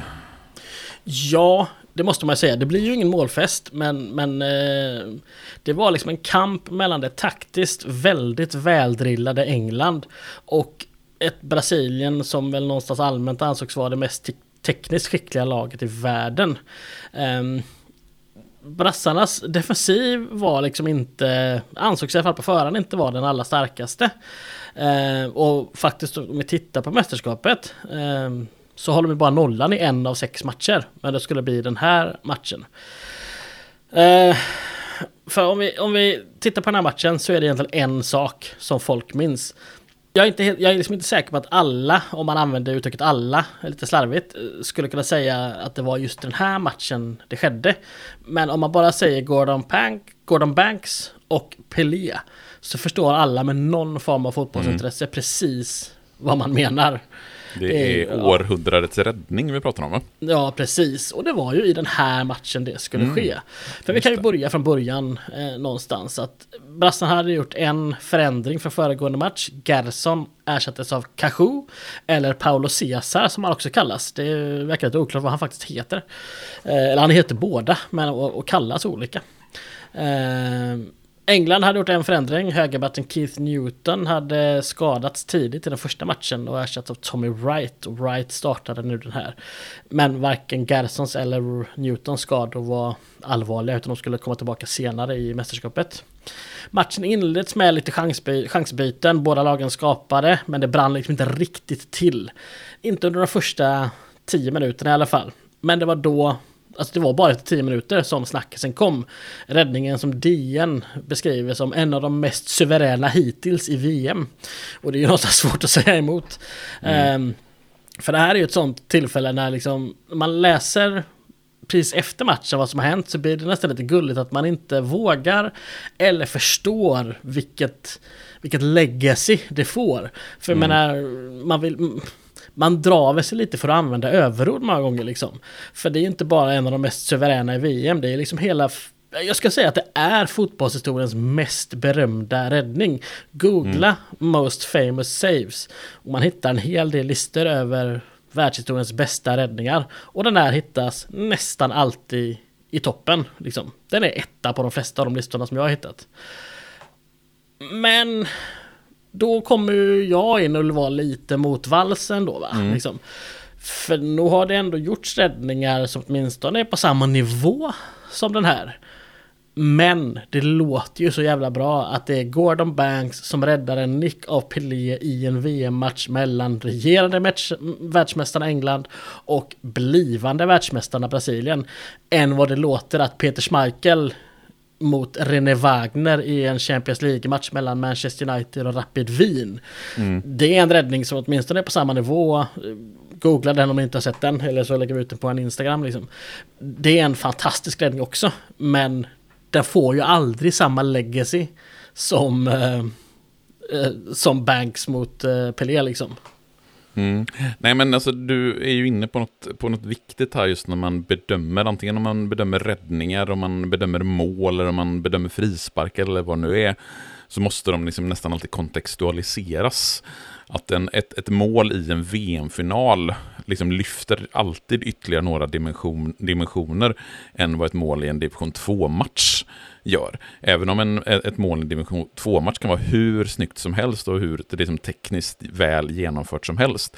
Jag vet, att, eh, jag vet inte om du har lyssnat på de senaste avsnitten av When We Were Kings om Brasilien 1982. Nej, jag faktiskt eh, För där är det ju en, av, en, ett, en Sicko-frispark som inte går direkt, alltså du, du vet vilken det är om jag visar dig den. Mm. Det är en Sicko-frispark som målvakten i sem, eller kvartsfinalen måste vara mot Italien, som målvakten liksom tippar i ribban och så är det någon av de andra brasilianska spelarna som springer in bollen i mål. Och hade inte målvakten varit på den så hade liksom frisparken gått direkt i mål. Och då diskuterar de och jämför den frisparken med Roberto Carlos frispark i för-VM 97. Alltså den här kurvade bollen ja. som ju rent tekniskt förmodligen är den vackraste frisparken som någonsin har slagits. Men den görs ju inte i en riktig tävlingsmatch. Även om, alltså för-VM, visst det är någon liten typ av turnering, men en, en, en, ett, en, frispark i en VM-kvartsfinal har en högre dignitet än vad en eh, frispark i en träningsmatch har. Och på samma sätt är det ju här, att en räddning mellan eh, de två regerande världsmästarna, alltså Brasilien och England, eh, det, det, har någonting alldeles extra. Så, så är det ju verkligen. Så är det verkligen. Och jag ska inte på något sätt ta ner Banks räddning. Det är inte det som är min poäng. För det är en enorm jävla räddning. Det man kanske vill ta ner är tv-produktionen. för det faktum att Banks för en kort sekund försvinner ur bild. Men om man är enveten, och det är jag, det finns på nätet mer utzoomad film där man har Banks i bilden hela tiden. Och då tycker jag faktiskt att tvn, alltså ofta kan det vara så att eh, ha lite mystik i det så växer saker liksom. Du ska inte avslöja eh, i en film. Du ska inte avslöja mördaren liksom för att det är mer spännande, eller monstret liksom. Du ska inte se monstret för mycket. Det är mer spännande, Nej. alltså du är rädd för mörkret och vad som finns i mörkret. Tänder du lampan så, så ser du vad som händer. Jag vill argumentera för att den här räddningen växer av att man ser hela eh, Banks agerande. Mm. Vilket för mig är ett tecken på att det är en jävligt bra räddning. För situationen uppstår ute på högerkanten. Jarsinho, eller Shair som han ibland också kallas, han fick en löpboll från Carlos Alberto liksom ner i högerkorridoren. Han kommer före Terry Cooper, touchar den ner mot kortlinjen och hinner precis i kapten innan den går över kortlinjen för att slå ett inlägg. Och han kan omöjligt ha siktat för att liksom, det, det är så tajt till kortlinjen att han kutar dit, gör sitt bästa för att bara få in den framför mål. Det blir ju klockrent. Det kommer perfekt till Pelé, eh, så kommer liksom lite bortre stolpen till. Tommy Wright var framför honom, men han kan inte nå bollen, utan Pelé hinner, han kan hoppa perfekt, han kommer med fart, han är, han är Pelé och har spänst mm. liksom. Banks var ju såklart då vid sin vänstra stolpe när inlägget skedde, för att liksom Jarcinho kom ju därifrån. Så det, han, måste ju, han måste ju vara där. Det ser ut som att han en kort sekund funderar på kan jag nå bollen och liksom plocka ner inlägget. Inser på en millisekund att nej, det går inte. Så han får ju kuta in mot mitten av målet för att hitta en ny position. Och när nicken kommer, ja men då är han ganska mitt i målet, någon meter ut från mållinjen. Pelé, eh, han befann sig kanske 9-10 meter rakt ut, ganska rakt ut från Banks högra stolpe. Och nicken blir, det är en riktigt bra nick också. Det är det som är så roligt, som gör det hela ännu bättre. Mm. Att det, det är liksom inte någon slumpboll, utan han får en riktigt bra träff på nicken. Den har riktning mot kanske någon decimeter innanför den högre stolpen och är dessutom då där skolboksnickad, att den ska studsa då två. Alltså mm. det är perfekt. Jag tänker Romario 1-0 mål mot Sverige i VM-finalen, i VM-semifinalen 94. Fast hårdare och från lite längre mm. håll. Liksom. Men det här ner i backen så att det ska bli svårare för målvakten. Liksom. Eh, även om det faktiskt står med fasta hand den här gången hade det varit bättre om han siktat högt. Men det, ja, det, Pelé gör helt, helt, helt rätt, gör han. 100% rätt. Så det Banks tvingas göra är ju liksom att kasta sig snett bakåt. Och liksom i brist på bättre ord, alltså så gräva upp bollen eh, liksom från bakom sig. Och det är en enorm räddning, väl värd allt beröm den får. Och jag som vi pratade om, när det sker i en VM-match mellan två av världens bästa lag, då förtjänar den extra beröm. Mm. En sak som gör att jag alltid har varit lite sådär anti den här räddningen, eller inte anti, men att jag alltid varit så här, är den så bra? Det är att när jag hörde talas om den när jag var väldigt liten, jag kan distinkt minnas att min morfar beskrev den som att Banks vände i luften. Och jag har mm. även sett en tweet av Patrik Ekwall för några år sedan där han skriver Första gången jag kan minnas namnet på en målvakt, Gordon Baggs. Alla på skolgården hade sett honom vända i luften. Och alltså, jag vet inte om jag blandade ihop saker här, eh, så som min morfar har sagt, eller om Patrik, men så här, för det är ju en sinnessjuk, eller så här, finns det en till sinnessjuk Gordon Banks-räddning? Mm. Men jag har inte hittat den. Men han vänder ju inte i luften. Alltså det, det, det, gör han ju bara inte, det är ju bara ett faktum. Jag förstår liksom inte var det kommer ifrån. Han skyndar sig in mot mitten, slänger sig snett bakåt, absolut. Och lyckas tippa den då liksom över ribban utanför mot till hörna. Helt fantastisk suverän räddning. Men han vänder ju inte i luften. Nej, men det är väl en sån här klassisk mytbildning som uppstått. Eh, men lite som det här eh, Arne Hägerfors, det ser väldigt mörkt ut på Kameruns avbytarbänk. Ja, men, eh, att folk, folk är helt säkra på att de har sett det här eller hört det här. De har sett Gordon Baggs vända i luften. Och det här tänker jag är i en tid innan man kan liksom YouTube alla de här klippen. Jag tänker att din morfar såg det här eh, inslaget, när, eller såg matchen när den sändes. Ja. Och tittade på den och sen har inte han sett den i efterhand och får liksom skapa sig en egen minnesbild av vad det var som faktiskt hände. Ska säga att, att min morfar var dansk också, det kan också vara ett bekymmer i sammanhanget. Det, ja, det, ja. Det, det talar ju emot hans intelligens, absolut. Yep. Eh, så är det. Men visst, den här räddningen är väl det vi tar med oss mest från den här matchen, men eh, det spelas ju lite mer fotboll trots allt. Ja, jag vill stanna till på en sak till i första halvlek. Och det är när Felix i brassemålet fick göra en enormt fin räddning, även han. Inte, en, inte på Banks nivå, men en väldigt bra räddning. Och det finns likheter med Banks-räddningen. För här är det högerback Tommy Wright som har fyllt upp långt på Englands högerkant. Ehm, faktiskt så högt upp man kommer, för att han slår ett inlägg ner från kortlinjen, nästan nere vid hörnflaggan. Och det här inlägget också blev oerhört fint. Och jag, Jeff Hurst gjorde en sån här viktig aktion som folk utan fotbollsöga inte ser. Eh, för han går vid första stolpen upp på höjdbollen eh, och han kan omöjligt nå den. För han, han, är, liksom, han, han är i obalans, han, han, har inte en chans att nå den. Men det han gör är att han förstör brassarnas mittback Piazzas chans att nå bollen för han hoppar upp och stör honom. Så, eh, och bakom dem, där dyker den andra anfallaren Francis Lee upp med liksom en fin slängnick.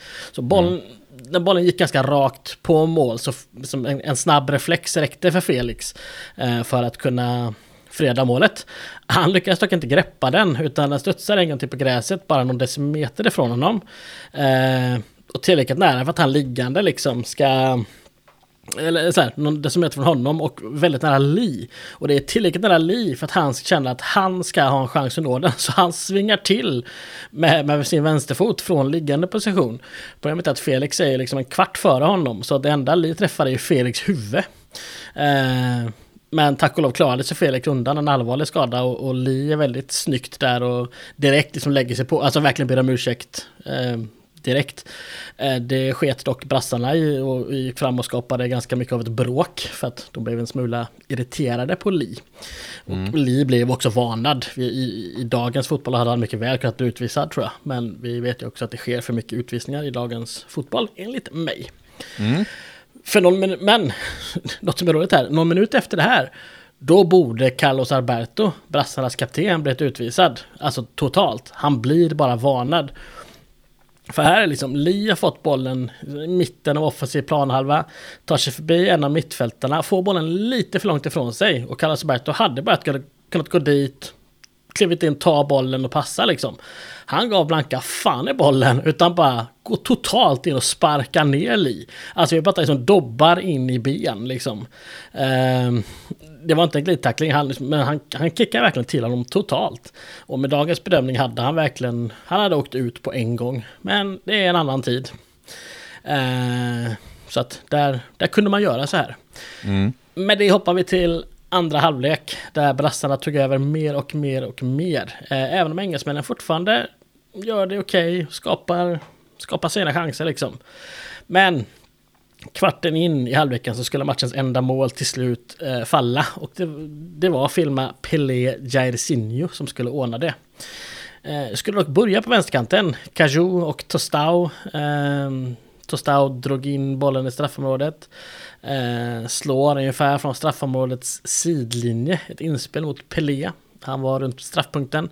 Han dämpade bollen med ett tillslag och med nästa så la han bara enkelt bollen någon meter åt höger vilket gav Jairzinho ett fritt skottläge mot Gordon Banks. Banks kommer ut, men inte fort nog, utan Jairzinho kan dunka bollen in i det bortre hörnet. Och till slut så var brassarna i ledningen.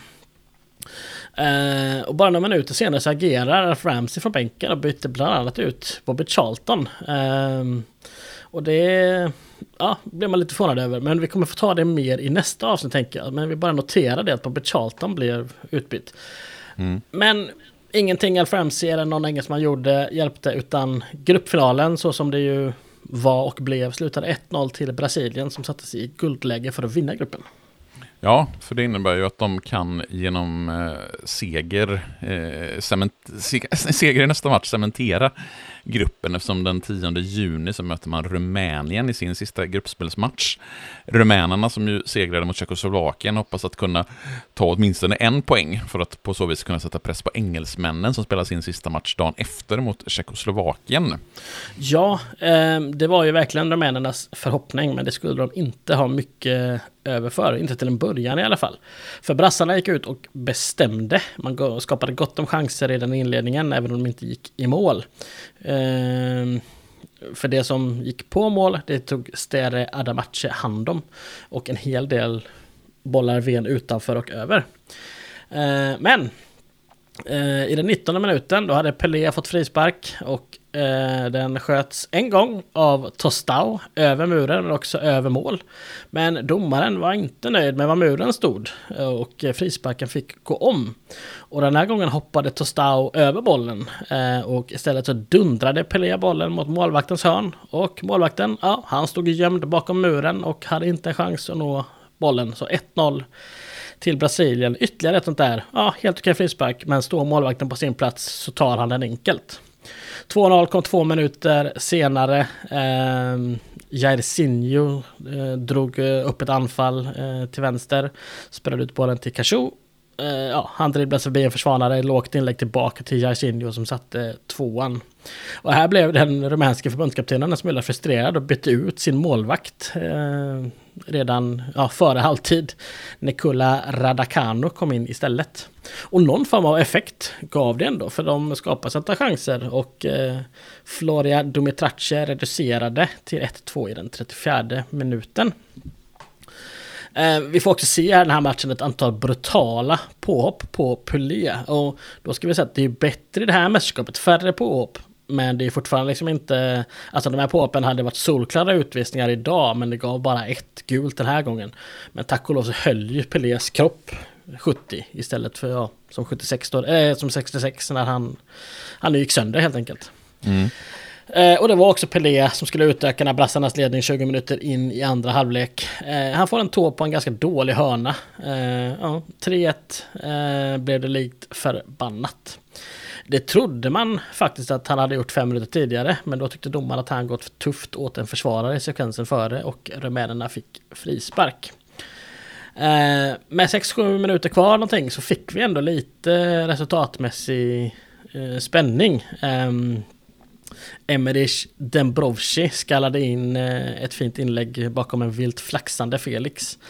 Eh, och jag menar 3-2, en poäng för England och det var lite eller en poäng för Rumänien och det var lite press för England. Medan för brassarna var det ju ingen skillnad för oavgjort hade räckt för gruppseger för dem också. Mm. Eh, men det skulle inte bli några fler mål. Brassarna vann med 3-2, hade maximala 6 poäng. Eh, Medan läget var så för de andra lagen att England låg tvåa med två poäng och ett plusmål. Rumänien låg trea, även de med två poäng med minus ett. Och Tjeckoslovakien var sist med noll poäng och minus fyra i målskillnad.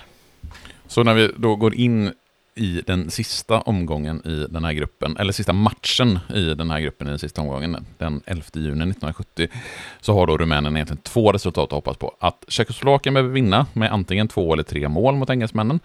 Vid tvåmålsseger så hade England och Rumänien båda haft två poäng och minus ett, och det hade blivit lottning. Men om tjeckerna vinner med tre mål eller mer så skulle det blivit samma sak fast med Rumänien och Tjeckoslovakien. Har jag fattat det här rätt? Ja, precis. Um, det har du. Men det skulle ändå inte bli så.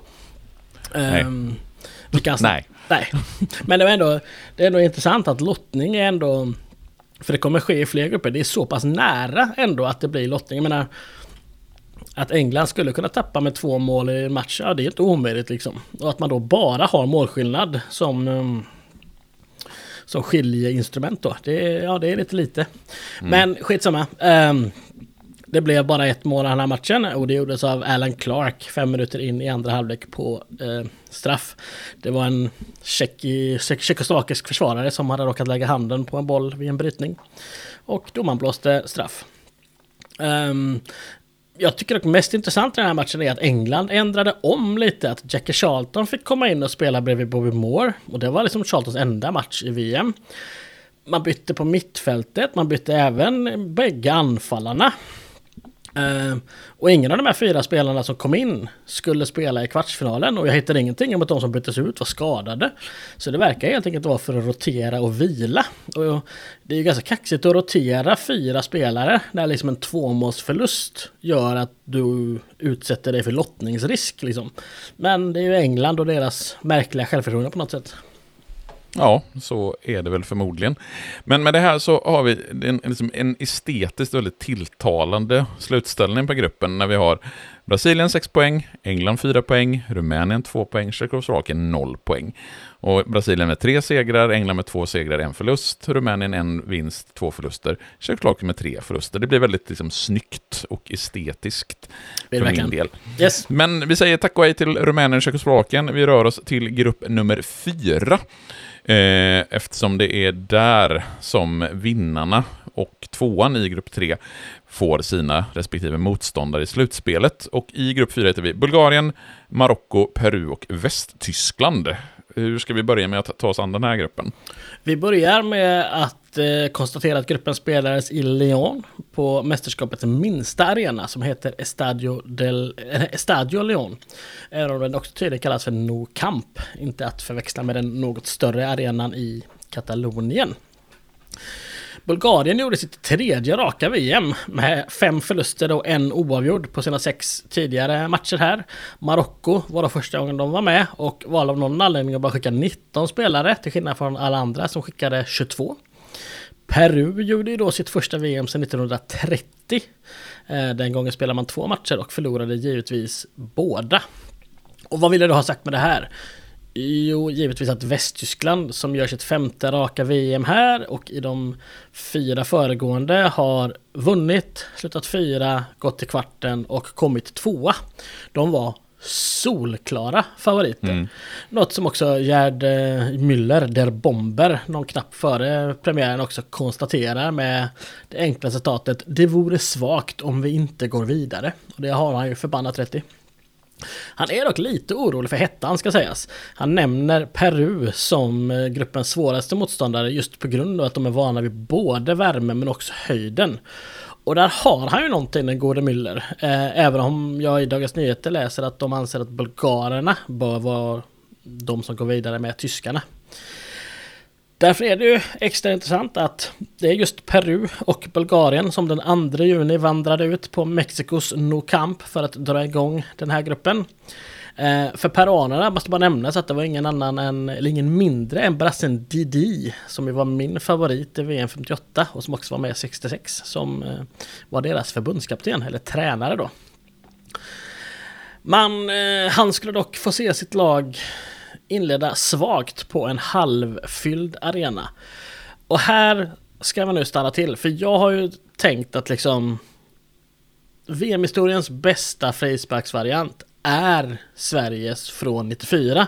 Mm. Alltså det är den coolaste tycker jag, för att just att Brolin står så jävla casual bara bakom mm. muren. Håkan Mild, detta fotbollsfenomen, slår en perfekt passning. ja, men liksom, mm för mig har den, och jag vet, jag är svensk, jag är partisk liksom. Det enda som saknas med den är ju att den inte blir avgörande. Liksom. Alltså, mm. Det är ju det enda som man saknar. Och det säger väl en hel del att vi minns den så väl fastän att den inte blev avgörande. För att mm. jag, jag, tycker att den är fantastisk, den Facebook-varianten. Um, och liksom, det är så snyggt. För att det är så enkelt. Det är en passning och ett skott. Det är inte, Eller ja det är ja, Svärts hoppar över bollen också, absolut liksom. Det, ja, det gillar man. Och det bulgarerna gör här efter 13 minuter är snäppet mer avancerat. Men frågan är om det inte är snyggare än Brolins. För här är en frispark från ganska långt avstånd, säg typ 15 meter utanför straffområdet. Ganska rakt framifrån, kanske någon meter åt vänster, men vi är liksom ändå... Det, det är en frispark ganska rakt framifrån kan man ha i huvudet. Ehm, mm. Dinko Dementjev, han löper mot bollen som att han ska slå den, men hoppar över den. Och till skillnad från vad liksom spelare som hoppar över bollen så här brukar göra, så stannar inte han av. Utan när han passerar bollen, då sätter han full fart. I liksom riktning, som, om man tänker i offensiv riktning då, mot eh, vänster del av muren, alltså som för att springa förbi den. Samtidigt så har jag tror att det är Petar Tjechov. Det kan också vara Dimitar Jakimov. Det är lite oklart på bilderna. Det är svårt att se. Men jag tror att det är Tjechov i alla fall. Han har klivit fram till bollen istället. Men han skjuter inte. Utan han slår en distinkt passning mot några meter till höger om den peruanska muren. Så alltså, Demensiev springer till vänster om muren. Passning slås mot höger om muren. Där mötte Risto Bonev upp. Som oerhört vackert skarvar bollen in i ytan bakom muren. Och vad händer där? Jo, där har ju Dinko Dementjev såklart tagit det till. Så ungefär vid straffpunkten så möter han bollen på ett och som avslutar perfekt i målvaktens ja, vänstra hörn. Luis Rubinos är chanslös. Och det här målet ska vi, alltså så här, jag känner att jag kan inte förklara. Ja, jag är också, jag är svag för frisparksvarianter. Mm. Men det här är oerhört vackert tycker jag. Just för mm. att det är också så här. Det är enkelt.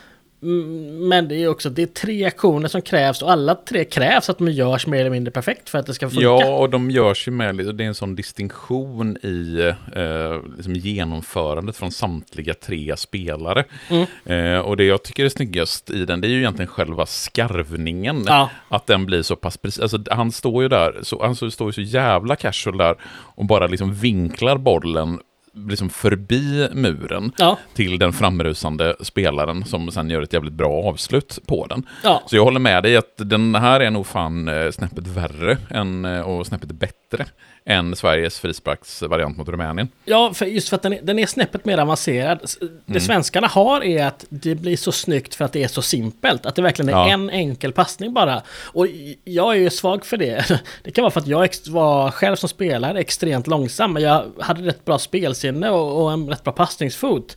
Så jag var den typen av spelare som vid enstaka tillfällen i min karriär kunde slå en passning som ganska få andra såg och som lämnade en spelare väldigt öppen liksom. Jaha, mm. så kunde man göra liksom. Och det är någonstans det jag känner med svenska frisparken, att jaha, om han bara löpte dit så blev han helt fri Brolin liksom. Vad, vad spännande. Det var ju uppenbart när man såg det hända, men ingen såg det på förhand liksom. Den här är ju lite mer avancerad eftersom att han då måste kuta eh, Dementjev då. Men det gör han ju perfekt också å andra sidan. Jo, att, men det som, eh, det som tilltalar mig med uh, den här frisparksvarianten, det är ju att, just att den görs i fart på ett annat sätt ja. än uh, vad den svenska frisparksvarianten. För att, alltså, det, det, det jag kan lite grann ha emot uh, Brodins frispark, det, det, är att den känns lite, lite såsig. Nästan. Nej, men alltså, det, den, den känns, det känns ju som att uh, fotbollsfenomenet Håkan Mild, att det, är en liksom ganska lös passning. Alltså. Den är ju perfekt, just för att den, den liksom, Brolin får ju den perfekta straffområdet. Ja. Så att han kunde inte ha slagit den på ett bättre sätt egentligen. Men eh, den här frisparksvarianten, jag, jag håller nog nu när vi har pratat om den och jag har kollat på den, så jag håller den högre. Ja men det, det är det jag någonstans så, så här, det, det, tar emot i mitt, mitt svenska fotbollshjärta att hålla den högre för att liksom, men, menar det är ju också det är 20 år, eller 30 års nostalgi snart liksom vad gäller mm. den fotbollen. Det är klart att det är svårt när det har varit fotbollsvarianternas fotbollsvariant för mig. Det är svårt ja. att liksom låta någon annan gå förbi, men jag tror fan att den här den här trumfar nog faktiskt eh, även för mig. Um, för den är, ja, den är oerhört vacker, eh, får mm. man säga. Men 1-0 står sig halvleken ut och vi tar oss in i andra halvlek. Ja, och det dröjer bara fyra minuter i den innan bulgarierna fick ännu en frispark. Och ännu en gång gör man mål på en frispark. Men om den förra då var en magnifik variant som målvakten inte kunde göra någonting åt. Då är det här bara ett stort, stort, stort målvaktsmisstag. För liksom, frisparken är okej, okay. den slås från 7-8 meter utanför straffområdet, lite till vänster, över muren, men ja, ganska medioker kraft. Den är inte superlös, men det är liksom ändå det är inte superhårt heller. Målvakterna förutsätter och är på plats, men han försöker greppa den och misslyckas helt och tappar släppa liksom in den. Så att Ristobone gör 2-0 på det sättet. Eh, och bulgarerna som då hade helt dominerat den första halvleken såg ut som att de skulle få med sig de här två poängen ganska så ostört. Men Didi på den peruanska bänken agerade direkt efter 2-0 målet med sitt andra byte i matchen. Det första hade han tvingats till på grund av skada, men här Eh, här gör han då sitt, sitt eh, taktiska byte och säger själv efter matchen att det här gav dem ett helt annat anfallsspel. Eh, det, det, kanske inte var så att bytet gav den omedelbara effekten som man fick, men faktum är att man reducerar i matchens nästa anfall genom Alberto Gallardo. Och på, på videon jag har sett och på Fotbalja som ehm, ja, det här är inte videons, eller det här är inte matchens minut utan videons. Bulgarien gör sitt mål efter 54 och 42 på den här videon. Avsparken sker 55 sekunder senare, 55 och 37. Och vid 56 och 13 så ligger bollen i det bulgariska målet. Så det hinner spelas 36 sekunder mellan målen liksom. Så det är mm. verkligen, det är direkt efter liksom. Um, och mindre än fyra minuter senare så var det peruanernas tur att få frispark lite till höger vid straffområdet. Ehm, och här sker det mycket som är roligt. För bulgarerna, de ställde upp sex man i muren. Och peruanerna gjorde något som jag har sett som mer modernt. Att man själva då ställer upp en mur eh, alltså bredvid med tre man liksom för att täcka målvakten. Det trodde jag inte man gjorde på den här tiden, men, men tydligen. Och målvakten, han klädde grönt och han gör allt som han kan för att kunna se bollen och det för honom att se ut som en liten groda som står i målet där och hoppar upp och ner. Och Hector Chumpitas kom med en eh, skaplig ansats, drog till bollen men halka samtidigt. Vilket gjorde att träffen blev sådär. Men den gick lågt mot det bortre hörnet eh, av målet. Eh, där den peruanska delen av muren nu givetvis försvunnit. Men Simeonov i målet, han med sitt grodande har liksom inte koll på det utan bollen slinker in. Så att Peru har på bara fem minuter kommit ikapp till, eh, till 2-2. Och nu tog sydamerikanerna då över mer och huruvida det var en effekt av värmen och den höga höjden, det tycker jag är svårt att säga. Eh, det finns rapporter från matcher som tyder på att de var helt färdiga, men det finns också andra som tycker att nej, det här var Peru som spelmässigt tog över. Jag har inte sett hela halvleken så jag kan inte jag kan inte bedöma det helt och fullt själv. Men med dryga kvarten kvar så klev i alla fall en av de som skulle bli turneringens, ja, en av turneringens förgrundsfigurer klev in på riktigt. Han heter ju då Teofili Kubias, eh, spelade i en av de mer framskjutna rollerna i Peru. Offensiv mittfältare eller släpande anfallare.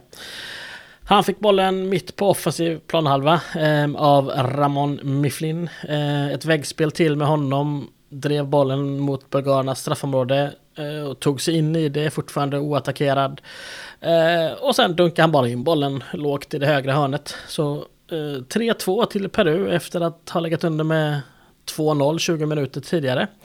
Och några fler mål fick vi inte. Så det blir Peru som tar gruppens, eh, ja de här två poängen och satte sig då i en utmärkt position för att gå vidare. Yes, och det var ju starkt av peruanerna rent fotbollsmässigt, men också eh, på grund av den naturkatastrof som inträffar i Peru i samband med det här världsmästerskapet. Ja, och, och nu ska vi inte uppehålla oss så länge här, um, men det, det, är ju något speciellt med att Peru, när de hade VM 1962 så var det i, liksom, i efterdyningarna av jättejordbävningen i Valdivia, som ju påverkade hela upplägget för den turneringen. Och när de nu går in i VM eh, 1970 så gör de det bara tre dagar efter att det ytterligare en enorm jordbävning eh, och jordskred drabbat landet. Och eh, liksom det är jättemånga människor som dör och jättemycket folk som blir hemlösa och det är städer som förintas liksom. Och, och det värsta är väl att det här var en jordbävning, eller snarare det är en jordbävning som sker som orsakar ett jordskred som kanske är det, det värsta. Det var ett jordskred som hade kunnat stoppas. För därför att mm. det här, den här stora risken identifierade två amerikanska vetenskapsmän redan 1962 att det här är inte bra. Det är en bergssida som liksom hängde med, ja, med, med glaciär och is och snö liksom. Släpper mm. den så kommer skit hända. Men peruanska myndigheterna istället för att ta till sig så la de locket på, jagade de här amerikanska vetenskapsmännen ur landet, förbjöd folk att prata om det. Åtta år senare så sker den här jordbävningen, hela bergssidan i princip släpper liksom, jag tror att det är 80 eller 60 70 000 människor som dör sammantaget tre dagar innan peruanernas VM-premiär. Och det här hade spridits, det här hade ju kommit ut i nyheterna nu då, kanske inte att det var så många som hade dött, men ändå att det var en enorm enorm jordbävning. Så det här hade peruanerna med sig in i VM och det är starkt av dem att kunna någonstans fokusera på fotbollen eh, och kunna, ja, men kunna spela för sitt land ändå. Eh, Ja, det, mm. det, får man ändå säga. Ja, nej, men det, det är ju en oerhört tragiskt, eh, en tragisk händelse i det här. Men om vi ska gå vidare så ska ju fort, fort, fotbollen fortsätta att spelas. Och när, eh, dagen efter att Peru har vunnit så är det dags för de andra två lagen i den här gruppen, Västtyskland och Marocko, som ska spelas. Och det är väl självklart att Västtyskland eh, går ut och manglar Marocko i den här matchen. Man tror ju det, eh, men så blev det icke. Icke från början mm. i alla fall. Eh, intressant är att på förhand så är måste förbundskapten Schön och även de tyska spelarna gå ut och dementera att det finns någon form av revolthot inom den tyska mm. truppen. revolten Eh, Eh, det pratas om ska inte ha varit, eh, det ska inte ha varit som att spelarna var missnöjda med ledarna utan ett företag, jag gissar Adidas, eh, har skänkt utrustning, alltså skor, bollar och kläder och så vidare, som tyskarna förutsätts ha på sig. Men spelarna får inget betalt för det här. Och det tycker de ju att de ska ha. Så det här var liksom, det här var en konflikt, men den verkar tack och lov inte ha blivit någon, någon, någon större grej. Även mm. om då kön måste dementera att någon eh, faktiskt var nära att skickas hem liksom. Men ingen skickades hem, så att jag vet inte hur stor grej det var. Det var i alla fall en grej som störde uppladdningen på något sätt. Um, de kom ju ut med en stark elva. Sepp Maier, också en av världshistoriens bästa målvakter i mål. Bertie Fox som högerback, Beckenbauer på mittfältet, Helmut Haller som vi minns från tidigare VM var, var där också. Längst fram har de en fantastisk trio med Uwe Seeler, Gerd Müller, Gerd Müller och Sigi Helt. Det var ett lag som bara skulle köra över Mexiko. Men så blev det inte alls. Ehm, för att citera Dagens Nyheter så var deras första halvlek sensas sensationellt tafatt. Och faktum är att man gick till pausvila i underläge. För efter drygt 20 minuter så tog sig Marocko runt på vänsterkanten. Ett inlägg skickas mot bortre stolpen och där var ingen marockan utan bara Horst Dieter Höttges, tyskarnas vänsterback. Han tog det ja, inte helt dumma beslutet att nicka hem bollen till Sepp Maier i mål. Det är bara det att han totalt misslyckas med att göra det. För istället för att nicka bollen till Maier som gick ut för att möta honom så nickade han förbi Maier och rätt till Humani Jarir som bara tack och står med öppet mål och ja, lägger in bollen i, i nät. Och vi har 1-0 till Marocko istället. Mm -hmm. uh, och i den andra halvleken, där hade vi faktiskt potentiellt kunnat få en VM-skandal som, om det hade skett, hade det varit en av de mest kända skandalerna genom tiden, är jag helt säker på. Jaha, vad var det som hände där? Ja, men det, kommunikationen mellan den holländske domaren, man kan ju undra varför man har en holländsk domare i en tysk match, men det kan vi släppa. Men holländska domaren och det marockanska laget kan inte riktigt kommunicera så bra. Eh, om när andra halvlek skulle dra igång. Och det var tyskarna som har avsparken. Och det jag sett från matchen, det är som jag har sett eh, ja, tv-sändningen tyskarna står uppställda liksom. Tre spelare i mittcirkeln redo att dra igång. Och upp från trapporna som leder ner till katakomberna där omklädningsrummen var. Där kom de marockanska spelarna en efter en. Och man ser hur domaren liksom irriterat eh, går dit och blåser och viftar in spelarna. Och vi får ändå gissa att han tror att alla marockanska spelare är på planen. Så han blåser igång. Och mm -hmm. utan att ha räknat in det. Så att liksom, för att ja, han vill väl dra igång. Så dels är marockanerna inte helt uppställda, för de har ju ganska nyss kommit in på planen. Det är faktiskt så att inte ens alla spelare i Marocko är på rätt planhalva när, när han drar igång spelet. Um, för tyskarna spelar ut bollen till vänster och Sigge Helt då ska utmana därifrån. Och det är då man, man eh, ser det, när kameran panorerar ut, att det marockanska målet är ju tomt. För målvakten har alltså ännu inte kommit upp från omklädningsrummet. Men det har domaren inte märkt. Och det verkar knappt som att de marockanska spelarna har märkt det heller. Tack och lov så märker inte heller de tyska spelarna det. Eh, publiken verkar tycka jag har förstått det, för det låter ganska mycket från dem i det här läget. Mer än vad det gör, jag har liksom jämfört eh, sådär. Men, så jag menar, hade Sigge helt upptäckt det, han hade ju kunnat slå en enkel lyra bara rätt i mål och liksom från mitten av planhalvan hyfsat obehotad. Det, det ska ju en tysk landslagsman 1970 lösa liksom. Sen är frågan, hade han gjort det eller hade han varit sportslig och spelat ut den över sidlinjen kanske? Det är, det är ju svårt att, svårt att veta. Men jag vill hävda att det här är ändå ett close call till att vara liksom, för att går bollen i mål där, enligt alla fotbollsregler, så kan han inte blåsa av och börja om. För har mm. du satt igång spelet så kan du inte och liksom går bollen i mål innan, ja, innan du blåst av någonting så ska du inte kunna ändra det.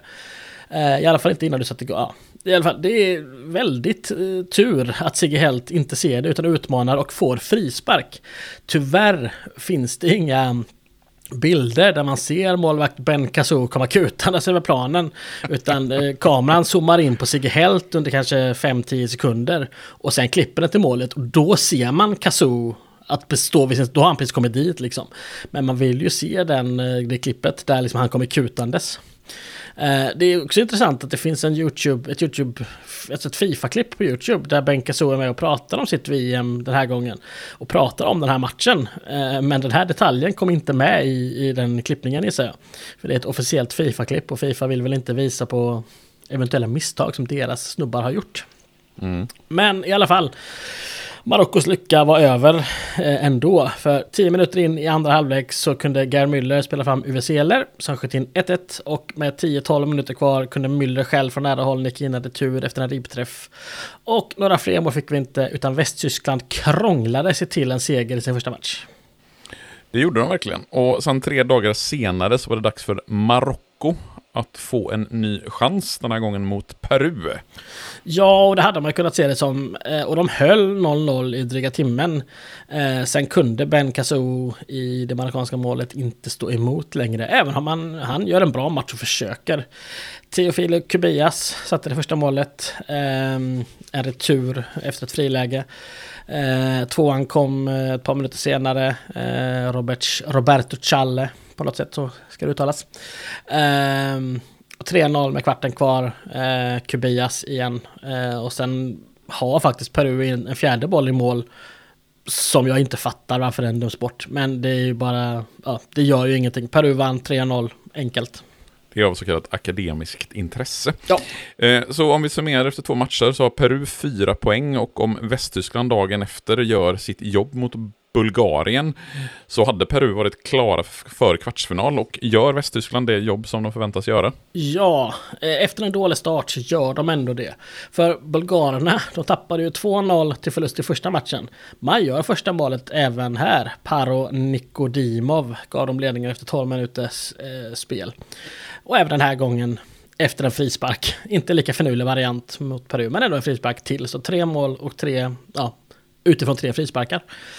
Um, Reinhard Libuda kvitterade dock bara åtta minuter senare. Han hade kommit in som högeryttre i laget. Uh, om, om det nu var han, för det kanske var ett självmål, det är väldigt svårt att se. Eh, eller så här, det kanske borde klassas, nej förlåt, det är inte svårt att se, men det kanske borde klassas som ett självmål.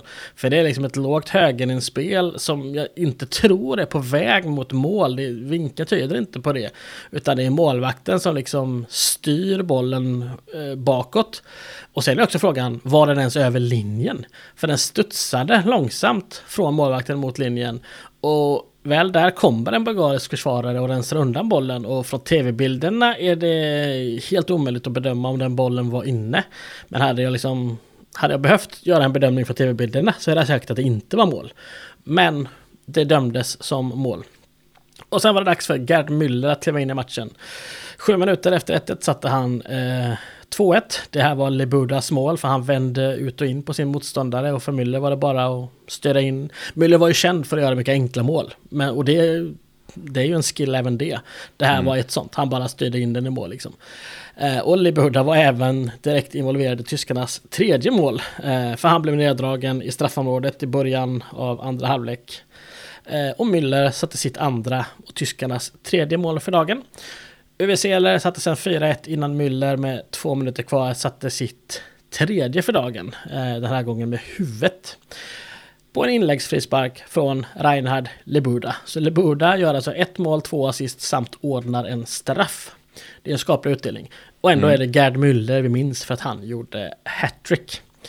Eh, dock ska sägas att bara minuten, alltså efter det sista målet så satte Todor Kolev ett jätteskott upp i Sepp Meyers vänstra kryss.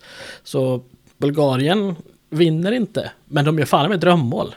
Mm. Eh, men det hjälper ju inte om man också släpper in en massa mål. Men så efter två omgångar så är det faktiskt den här gruppen avgjord. Västtyskland och Peru går vidare, Bulgarien och Marocko åker ur. Ja, så det enda som är av intresse inför sista omgången det är väl vem som ska vinna gruppen. Ja, för liksom, eh, ja, eh, Bulgarien och Marocko lyckas broderligt nog spela 1-1 eh, i sin match. Eh, Dobromir Setchev och Mahaub Gauzani gjorde målen. Inget extraordinärt, men 1-1 mellan Bulgarien och Marocko. Och den matchen som är intressant är ju Västtyskland-Peru då. För det är ju det som avgör vem som segrar i gruppen. Och det är ju av intresse vem som får möta vem i slutspelet sen. Ja, och här är faktiskt gruppfinalen på riktigt en gruppfinal. För båda lagen har ju samma målskillnad. Och som sagt så tänker man ju inte skilja lagen på något annat sätt än med målskillnad. Så oavgjort hade det fått lottas fram. Men vi skulle slippa det. För Gerd Müller hade då gjort ett oäkta hattrick mot Bulgarien. Men nu mot Peru skulle han banne mig drämma till med ett helt äkta hattrick.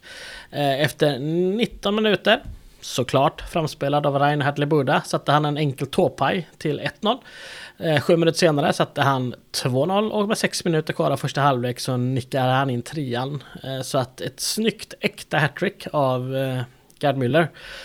Eh, någon minut kvar av första halvlek. Eh, Peru fick en frispark och Kubias skott, det styrdes och ställde Majer i målet. Så ja, det som skulle bli ettan i skytteligan, Gerd Müller och trean, Teofile Kubias, gjorde mål. Men eh, ja, ettan gjorde fler mål och därmed vann Peru, eller vann Västtyskland.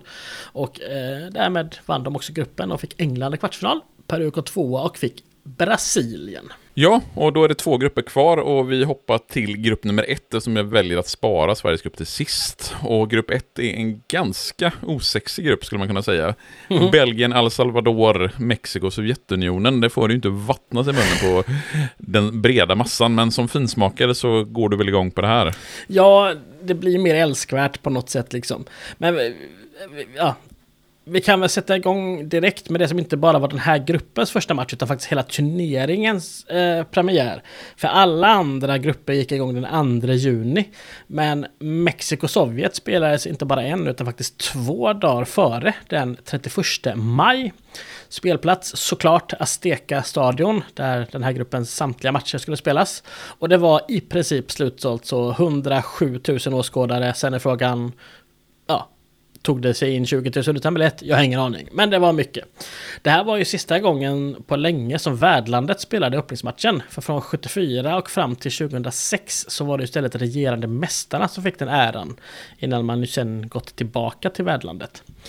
Tyvärr blev matchen i sig inte mycket att ta med sig. Svensk media skriver om en dålig match och att sovjeterna mot slutet gick på knä på grund av den tunna luften.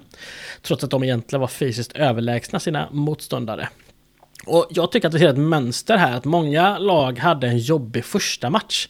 De lag vi, vi kollat upp har liksom ändå varit där ett tag eh, och försökt akklimatisera sig. Men jag kan tänka mig att det är liksom ändå först när man får en första tävlingsmatch, får den genomköraren som man kanske anpassar sig till 100%. Det är min, det är min hobbyfeeling här någonstans liksom. Eh, det vi har med oss är, för vi fick inga mål, matchen slutade 0-0. Men vi får med oss ändå VM-historiens första byte. Och det är två ukrainare. Eh, Viktor, Viktor Serebryanikov fick starta och han fick spela första halvlek och blev i paus utbytt mot Anatolij Pusac. Eh, reservation och ber om ursäkt till hela Ukraina för uttalen. Men Anatolij Pusac, alltså den första spelaren att bytas in i en VM-match. Och i den andra halvleken fick vi också första gången då se spelet eh, stanna till för ett byte. Och det gick inte till på det sätt som vi är vana vid liksom i moderna tider att eh, en, en assisterande eh, domare tar fram liksom står och vän, håller en spelare som ska komma in och att spelaren ska av först och sådär. Utan inhopparen här, Vitalij Kmenski, det är ytterligare en ukrainare. Han springer in på planen med en lapp som han ger till huvuddomaren. Och de liksom typ gemensamt ropar på spelaren som ska bytas ut, Jivi Nodja. Och han springer då av planen. Det är verkligen sådär eh, pojklagsfotboll känns det som liksom. Mm. Eh, och minuter senare så skulle Mexiko göra sitt första byte och det gick till på, på samma sätt. Så det, det var verkligen så här bytena gick till i det här mästerskapet. Jag tycker det, jag tycker det är festligt. Och vi fick också första gången se det gula kortet användas. Eh, och det var som sagt då, det var inte första gången en varning utdelades. Men det var det första gula kortet. Efter en halvtimme fick Kaka Asatiani, en georgier, äran att bli den första som fick ett gult kort. Och eh, det var lite som att den västtyske domaren här fick feeling för han drog fram det tre gånger på fem minuter där. Eh, så att det var liksom helt plötsligt gick från inga varningar till att varna alla. Eh, och sammanlagt blev det eh, tror jag, fem varningar för Sovjet. De fick eh, enligt om det var DN eller Svenska Dagbladet så fick de fem minuspoäng i Fair Play-ligan. det är underbart att se mm. någonstans. Men utöver det, alltså jag tycker det här är mycket värt att minnas med liksom första bitet och sådär. Men utöver det är ingen match att minnas så egentligen. Men El Salvadors VM-debut mot Belgien den 3 juni, vad tar vi med oss från den matchen? Ja, inte jättemycket som är kul för salvadorianerna i alla fall. Eh, för efter 10 minuter, lite drygt, så sköt Wilfred van Moor ett skott från 25-30 meter. Raul Magana i El Salvadors mål, han, han ska rädda det skottet. Men han gör inte det. 1-0 till Belgien. 2-0 kom knappt 10 minuter in i andra halvlek och då är det Magana som igen bara helt missar. Den här gången är det vid ett inlägg och Van Moor fick upp ett mål och satte sitt andra i matchen. Med drygt 10 minuter kvar så fick belgarna straff. Men eh, Van Moor fick inte chansen att göra hattrick utan istället gick Raoul Lambert fram och dunka in trean med sin vänsterfot. Och det var det. Belgien, enkel seger, El Salvador har det tråkiga faktiskt bara startat får man säga. Å andra sidan så var det här också det enda roliga som belgarna skulle få med sig. Jaså, vad händer mot Sovjet som är väl är nästa omgång som vi spelar för Belgien? Ja men det är det och belgarna är helt chanslösa. Även om det ska sägas att det faktiskt kunde gått åt andra hållet tidigt i matchen. Efter ungefär 12,5 minut, eh, inte för att jag har kollat så noga, men 12 minuter och 28 sekunder. Eh, nej, men typ 12,5 minut. Eh, så hade belgarna en frispark nere vid kortlinjen. Någon meter från kortlinjen och någon meter utanför straffområdet, liksom till höger. Den lyftes in perfekt. Och hjälten från deras första match, Wilfried van Moor, mötte med en lika perfekt nick. Han styrde bollen neråt, men den sovjetiska målvakten kom ner och gjorde en bra räddning. Men returen gick rakt ut till samme Van Moor. Och målvakten låg ju ner här i princip, eller han satt halvt ner. Och Van Moor har hela, i princip helt öppet mål och ska bara lägga in den. Men han kunde inte bara lugnet utan drog den stenhårt rätt upp i ribban från bara ja, ett par meter. Så det är en ofattbar miss. Eh, och så spolade vi fram 110 sekunder. Eh, och då kom Sovjet i en ganska långsam kontring. Eh, Anatoly Bysjovets eh, fick bollen kanske 15 meter utanför straffområdet. Han trampar typ på bollen, tappar farten helt, men de belgiska försvararna stöter ändå inte nämnvärt. Så han bara lägger över bollen på sin vänster och skjuter från det här avståndet, 20-25 meter. Ett hyfsat skott, inget speciellt, men det letade sig ändå in i målvaktens vänstra hörn. Det stod sig halvleken ut, men sen rann det iväg i andra halvlek. Eh, Kaka Asatiana satte 2-0 med ett lågt vänsterskott. Bysjovets själv satte 3-0 eh, och sen med kvarten kvar Vitali Kemeneltski, det underbara namnet, eh, satte 4-0. Matchen eh, död givetvis, men eh, vi ska också redovisa att Raoul Lambert slog in en stolpretur för Belgien med några minuter kvar. Så det slutade 4-1 till Sovjet. En promenadseger för Sovjetunionen helt enkelt. Och därmed så är det dags för Mexiko-El Salvador. Och du nämnde tidigare att det tråkiga bara hade börjat för El Salvador. Så jag kan ju gissa hur det går i den här matchen. Ja, men det gick ju inget bra. Eh, även om de, eh, så här, de höll ut nästan hela vägen till halvtid. Men då kom ett märkligt mål för, för mexikanerna. Och det börjar från El Salvadors målvakt. Han rullar ut bollen till sin, hög, alltså sin egen högerback.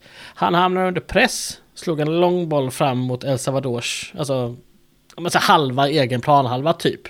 Och såklart när det kommer en lite längre boll och det är det här enkamera matchandet så hänger kameran inte riktigt med. Så att ja, vad som hände här är lite oklart. Det, det, det, som vi vet är att vi är några meter från sidlinjen. Det jag kan säga är att en salvadoriansk spelare står relativt still och en mexikan kommer uppenbart med fart och faller liksom.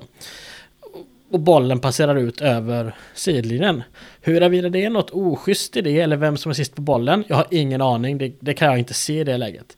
Salvadorianerna däremot, de är helt övertygade om att det här är deras inkast. För de flyttar fram och det är till och med så att ytten är på väg att ta bollen, släpper bollen för att ytterbacken ska komma upp och ta den. Men däremellan så kommer en mexikan och springer och hämtar bollen. Och han springer till, ja men där den här mexikanen och salvadoranen möttes på planen. Och där står domaren och har blåst tydligen. Um, för det ska ha hänt något. Och liksom El Salvadors lag är ju inte det minsta samlat här för högerbacken var ju till och med utanför planen för det var han som skulle kasta inkastet. Så Mexiko slog liksom snabbt igång bollen längs vad som då är deras vänsterkant. Och det är bara en en Salvadoran kvar i försvarsläge, förutom målvakten då. Så bollen liksom slogs enkelt in i straffområdet. Eh, Borja missade, eller han träffade bollen men han missade helt skottet. Men vid bortre stolpen så kom Javier Valdivia och tar emot och placerar in bollen och gör 1-0. Och här är salvadoranerna något så in i bänken eh, förbannade. Och det här är roligt för jag, det här trodde jag var en myt. Men sen lyssnade jag på, för den här matchen finns på Fotballia med engelsk kommentator. Och jag lät det rulla och liksom sådär. Och faktum är att en engelsk kommentator hävdar att salvadoranerna ska ha trott att domaren blåste frispark för dem. Mm. Och han, han, säger det i sändning när lagen kommer ut till andra halvlek sen. Så jag vet inte jag om det är sant eller inte eller vad han har fått den informationen om. Men, men han, han sitter ändå där som någon form av källa från dåtiden. Eh, och det är liksom inte den... Det är ju inte den sämsta av källor, även om det inte är den bästa heller. Men liksom... Jag har kollat på det här klippet så många gånger och slutsatsen som jag drar är att han måste ha förstått fel. Däremot så måste salvadoranerna inte ha fattat att Mexiko fick frispark. Utan att de ska ha inkast och därför är de inte alls med. Så att när domaren ger dem bollen och bara viftar spelar på så blir de helt liksom... De blir helt de är helt bortkollade liksom. Och domarna får jobba ett par minuter med att få igång spelet. Så dels fick han varna El Salvadors målvakt, för han är ju förbannad. Han fick också själv hämta bollen i målet och liksom lägga upp den på straff, eller på mittpunkten. Varje gång han gör det, typ tre gånger, så sparkar El Salvadorian bort bollen några meter så att liksom avsparken inte ska kunna tas. Eh, men till slut så får han liksom dem att starta den eh, halvleken och då sparkar, eller starta matchen efter målet. Och då sparkar bara Salvadors, El Salvadors lagkapten bollen över sidlinjen och då bestämde han sig för att blåsa för halvtid liksom. Och det är efter det här då som kommentatorn när de går in till halv, andra halvlek säger att det här ska... Ja, de ska tro att det var deras frispark. men det var ett oerhört märkligt mål och säger väl en hel del om domar, hur domare agerade då kontra nu får man väl säga. Men halvtidsvila, 1-0 Mexiko. Um, uh, Horacio Lopez byttes in för Mexiko, vi noterar det. Och andra halvlek börjar uselt för El Salvador. För Valdivia som satte 1-0. Han satte också 2-0 bara 50 minuter eller 50 sekunder in i andra halvlek. Så att ja, var man bitter över 1-0 så kom 2-0 direkt efter. Det, det var väl lite surt. 3-0 kom knappt kvarten senare eh, av Javier Fragoso. Och sen följde en, en, ytterligare en sån first som jag trodde vi skulle få vänta med i fotbollshistorien. Nämligen att den i halvtid inbytte Lopez blir den första att både bli in och utbytt i en och mm -hmm. samma match. Mm -hmm. jag har inte sett hela andra halvlek, ska jag inte påstå. Men, så jag vet inte om han har fått någon smäll tidigare. Men när han blev utbytt så liksom är som att han blev tillsagd, spränger av planen, inget och haltande, ingenting liksom sådär. Men han klagar inte heller nämnvärt. Men ja, han blir alltså inbytt i halvtid och utbytt med typ kvarten kvar eller vad det är liksom. Det är också, det ser man inte jätteofta. Eh, sen kom också 4-0 eh, för eh, Mexiko. Eh, Juan Basaguren. Eh, och det var ett ganska så modernt mål. El Salvador ska leka eh, tiki-taka och Pep Guardiola och spela kortpassningsspel. Och det kan de inte, alltså vid eget straffområde. Utan eh, bara tar bollen och slår in upp ett mål. Eh, så att ja, eh, enkel seger för Mexiko. Ja, så efter två omgångar så har Mexiko och Sovjet tre poäng, Belgien två poäng och El Salvador är utslagna eftersom de är nollade efter två omgångar. Så är det och vi kan ganska snabbt prata om den näst sista matchen för där slog Sovjet eh, El Salvador med 2-0. Anatoly Byshovets som gjorde två mål, två mål mot Belgien satte två mål även här. Det blev matchens enda mål så Sovjet slutar på fem poäng med 6-1 i målskillnad. Och sista matchen då, Mexiko-Belgien. Seger för Belgien och de har gått om mexikanerna. Övriga resultat, Mexiko till slutspel. Exakt, eh, och belgarna var lite nervösa på förhand läser vi i tidningarna. De frågar sig var de ska gömma sig vid en eventuell seger. Eh, och det är kanske inte en helt obefogad fråga i Mexiko 1970. Att om man slår ut hemmalaget så eh, så kanske man ligger lite illa till. Lite som att domaren i finalen 1930 hade ju sett till att ha en båt redo för honom att sticka, sticka från landet på direkt efter slutsignal. Man ställer sig också lite frågande i Belgien till varför man väljer ett sydamerikanskt domarteam mellan Mexiko, som ändå någonstans har vi konstaterat är ett spansktalande land. Eh, och man säger så här, förbannade på domarna, det blev eh, belgarna. För drygt 10 minuter in i den här matchen så står Sean Dox för en tackling på eh, Valdivia inne i straffområdet. Och belgarna blir minst sagt förbannade. Och jag, jag har skickat det här klippet till dig och bett dig komma med en åsikt. Eh, jag tror aldrig du gjorde det. Men eh, du ska få göra det nu om du har sett om du minns klippet. Nej, jag kommer ju faktiskt inte ihåg klippet. Nej. Eh, apropå det att jag har förberett mig oerhört dåligt inför. Jag minns ju givetvis att du skickade klippet. Jag minns att jag kollade på det. Men jag minns inte så mycket av det helt ärligt. Nej, men det som händer är att det blir lite av en, en studssituation. Um, uh, boll, alltså så här det är en frispark från sidan. Eh, bollen kommer fram till Vadivia och liksom, den, den, är studsande så att han, han väntar i princip ner den alltså för att få den i skjuthöjd. Den är i hans knähöjd. Dox har stått lite småstill, kommer från vänster och gör liksom en, en, en tackling, alltså en glidtackling, en hoppande glidtackling lite grann som. Han tar väldigt tydligt bollen. Eh, men problemet är att när, när, du liksom hoppar på det sättet och slår undan bollen med ena foten, då kommer andra benet och kroppen efter. Eh, och det... Högerbenet kommer liksom in i vaden och så på, alltså... Ja. Han, han drar helt enkelt ner Valdivia eh, också. För att dock, han har ju behövt fläka sig liksom. Um, och här är något, liksom, det ser ut som en rejäl saxning.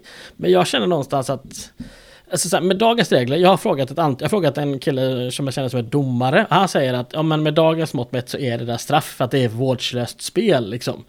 Och jag känner någonstans att här, alltså så här, här vill jag... Jag skulle kunna gå på en lång rant om hur fotbollen har, has gone soft. För jag känner mm. någonstans att, ja visst det kan man anse, men och hade han kommit med full fart från sidan och hoppat in i den tacklingen, då hade det varit risk att bryta benet på spelaren. Men när han gör den här tacklingen från stillastående, då kommer han utan fart. Och det är det som är mitt problem med många idag. Jag kan se många sådär, ja men han, titta han stampar honom eh, på benet med dobbarna eller med foten. Ja, det är för att han, han sträckte sig med tån efter bollen och slog undan bollen. Och sen måste foten ta, alltså foten kan inte försvinna. Och, och dobbarna sitter någonstans alltid under foten. Alltså någonstans måste man eh, ha lite hänsyn till att eh, att, att, att, foten, sulan sitter alltid på foten, den försvinner inte liksom. Eh, och är det då ingen direkt kraft i det så tycker jag att det, det ofta är för mycket snack om att eh, ja, om att det är farligt spel, när det själva inte är farligt. Alltså, du bryter inte benet på någon, eller du bryter inte tån på någon om du ställer dig sakta på hans fot. Om du hoppar och stampar på den däremot, då går den sönder. Det är den nyansen jag tycker att folk ofta missar. Mm. Men allt som allt, och, och liksom det är roligt att DN skriver ju verkligen sådär hur domaren kunde få det till straffspark är obegripligt. Så på den tiden, journalisterna är liksom helt överens om att det här ska absolut inte vara straff. Men det blir straff och de, belgarna går fram och knuffar domaren för det fick man tydligen göra på den här tiden. Liksom. Men han ändras inte, Gustavo Peño eh, satte 1-0 på den här till eh, Mexiko. Och det finns också något oerhört festligt att belgarna spenderar ändå ett par minuter på att klaga. Sen så accepterar man någonstans att straffen ska slås. Den slås och då börjar man klaga igen. liksom, för målvakten är så han släpper in den och sen kutar han till domaren och fortsätter vara i hans ansikte och liksom skriker. Jag tycker mm. det, det, är väldigt fastligt. Festligt. Men det är också det enda vi har från den här matchen. För den slutar 1-0 till Mexiko. Belgarna stannade på två poäng och slutade trea i gruppen. Mexiko gick upp på fem poäng med 5-0 i målskillnad. Och det innebär ju då att de och Sovjet har ju fem poäng och plus fem i målskillnad. Och enligt Dagens Nyheters Bobby Byström så ska det ha funnits någon form av utsänt formulär om att målkvot då skulle användas. Men antingen har han fel eller så har Fifa ändrat sig. För att det, det gjorde man inte. Utan man lottade istället fram gruppsegraren och man lottade fram Sovjet som etta. Vi gjorde att de blev kvar i Mexico City och skulle då få möta tvåan i grupp två. Medan Belgien, nej förlåt, Mexiko fick, fick byta och möta ettan i grupp två. Då så, vi är klara med grupp 1, vi är klara med grupp 3 och vi är klara med grupp 4. Vilket gör att vi har en grupp kvar där vi har sparat till sist, nämligen grupp 2. För där ingår Italien, Israel, Uruguay och sen så Sverige. Hur, hur ska vi ta oss an den här gruppen, tycker du? Nej men vi, föga förvånande så kör vi ju ur ett Sverige ett Sverigeperspektiv. Eh, jag känner någonstans att vi måste börja med att nämna Hans Selander och Bosse Larsson. Som båda två ju har gått bort nu under då december månad 2023. Den 15 gick Selander bort och den 18 gick Bosse, Bosse Larsson bort. Ja men känns det inte lite grann som att eh, det har blivit lite vårat signum med Mästerskapspodden att folk dör när vi ska podda om dem på något sätt? Ja men liksom eh, Pelé dog väl några månader innan vi skulle göra 58 och Just Fontän. Just Fontän också som jag ska faktiskt spela in ett Patreon-exklusivt avsnitt om nu i veckan efter mm. nyår är tanken. Så att, eh, Men å andra jo. sidan, det är, det är, inte jättekonstigt att folk som kommer upp i en viss ålder dör. Och vi är ju just i mästerskap där folk är i en viss ålder. Ja, Så precis. Helt, helt jättekonstigt är det väl kanske inte. Nej, det är väl snarare naturligt. Men, men liksom, eh, de här två skulle då båda två mm. spela. Mm. Alltså Selander skulle spela match två och tre för Sverige i det här gruppspelet. Um, och, och Bosse Larsson spelar väl alla tre matcher. Och jag menar, Bosse Larsson jag känner att jag behöver inte säga så mycket om honom. För att han är ju liksom Malmölegendarernas Malmölegendar. Mm. De som lyssnar på den här podden vet allt om Bosse Larsson redan, liksom, mm. tänker jag. Så att det är bara, eh, alltså man, det, det, är som det, det, det supporterskapet jag tror både du och jag har. Att man, man, hatar spelarna när de är på planen. Men en sån spelare som är så lojal mot Malmö kan man inte annat än att respektera någonstans. Liksom. Ja, nej, men Även det, som en annan supporter. Jo, men det är ju verkligen så. Det finns ju vissa spelare sådär som man har en... Nu är ju Bosse Larsson som han avslutade sin karriär långt innan någon av oss blev intresserad av att följa klubblagsfotboll. Men det finns ju verkligen vissa spelare i lag man inte tycker om som man ändå respekterar just för deras klubblojalitet. Exakt. Alltså Marcus, Marcus Rosensberg är en sån spelare för min del. Alltså, visst, jag kan tycka jätteilla om honom som spelare. Jag hatar att ha honom i, på andra sidan av det gröna fältet. Ja. Liksom, i, men, men jag kan liksom väldigt mycket respektera. Marcus Berg i Blåvitt är en annan sån spelare som jag ja. har den största respekt för, fastän han spelar i ett lag som jag verkligen inte liksom, tycker om. Nej, precis. Och, och så är det ju med vissa spelare. Jag tänker att just Bosse Larsson är en sån spelare för väldigt många. Exakt. Exakt, verkligen. Hans Selander, han spelar ju faktiskt vid den här tidpunkten, alltså 1970, i division 2 i Uppsala med 1P, Uppsala IF. Mm. Eh, efter att ha varit en längre tid i Helsingborg. Och var sen i Sirius. Och ett underbart tyskt lag som heter Vormatia Worms, eller Formatia Forms. Jag vet inte hur det ska uttalas när det är W i Tyskland. Om det mm. Ja, tysk, tyska är inte min starkaste sida heller, så att Nej, kör på folk, det du tänker. Volkswagen heter det väl, så att, och det är W, så det borde vara Formatia Forms. Och sen avslutar han med att ta ett par SM-guld i, i i Halmstad BK innan han la av 81 liksom. Så en, eh, beskrevs som Tove Svensson som den första svenska moderna ytterbacken liksom. Mm. Eh, så att, ja, två spelare som ändå någonstans, eh, det är så, lite så här, det är ju fler spelare från den här svenska truppen som har gått bort, men att de gör det just när vi är mitt inne och spelar in dem, det gör att det blir en extra märklig känsla kring det, tycker mm. jag liksom. Ja, nej men absolut. Eh, så med de två spelarna nämnda så tar vi oss an det här. Men Sverige kvalade ju väl, så godkänt. De har ju tagit sig till det här världsmästerskapet, även om de förlorade den sista kvalmatchen. Även om den inte betydde någonting.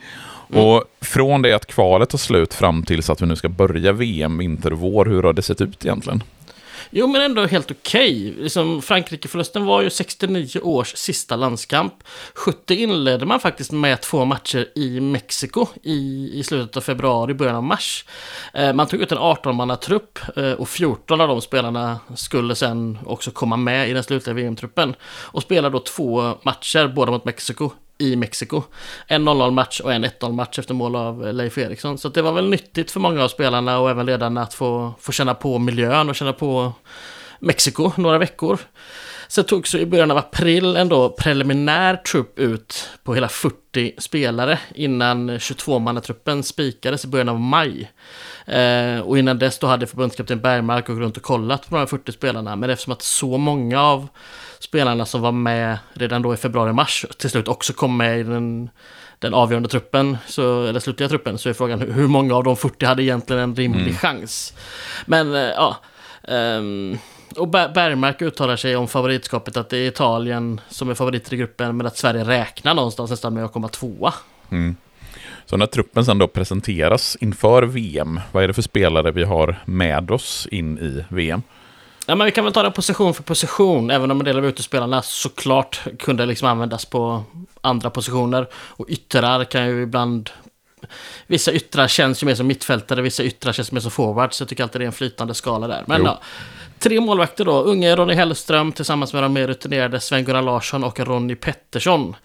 I försvaret hade vi då Hans Selander, Kurt Axelsson, Björn Nordqvist, Roland Grip, Claes Kronqvist, Christer Kristensson, underbart namn, mm. Leif Målberg och Jan Olsson.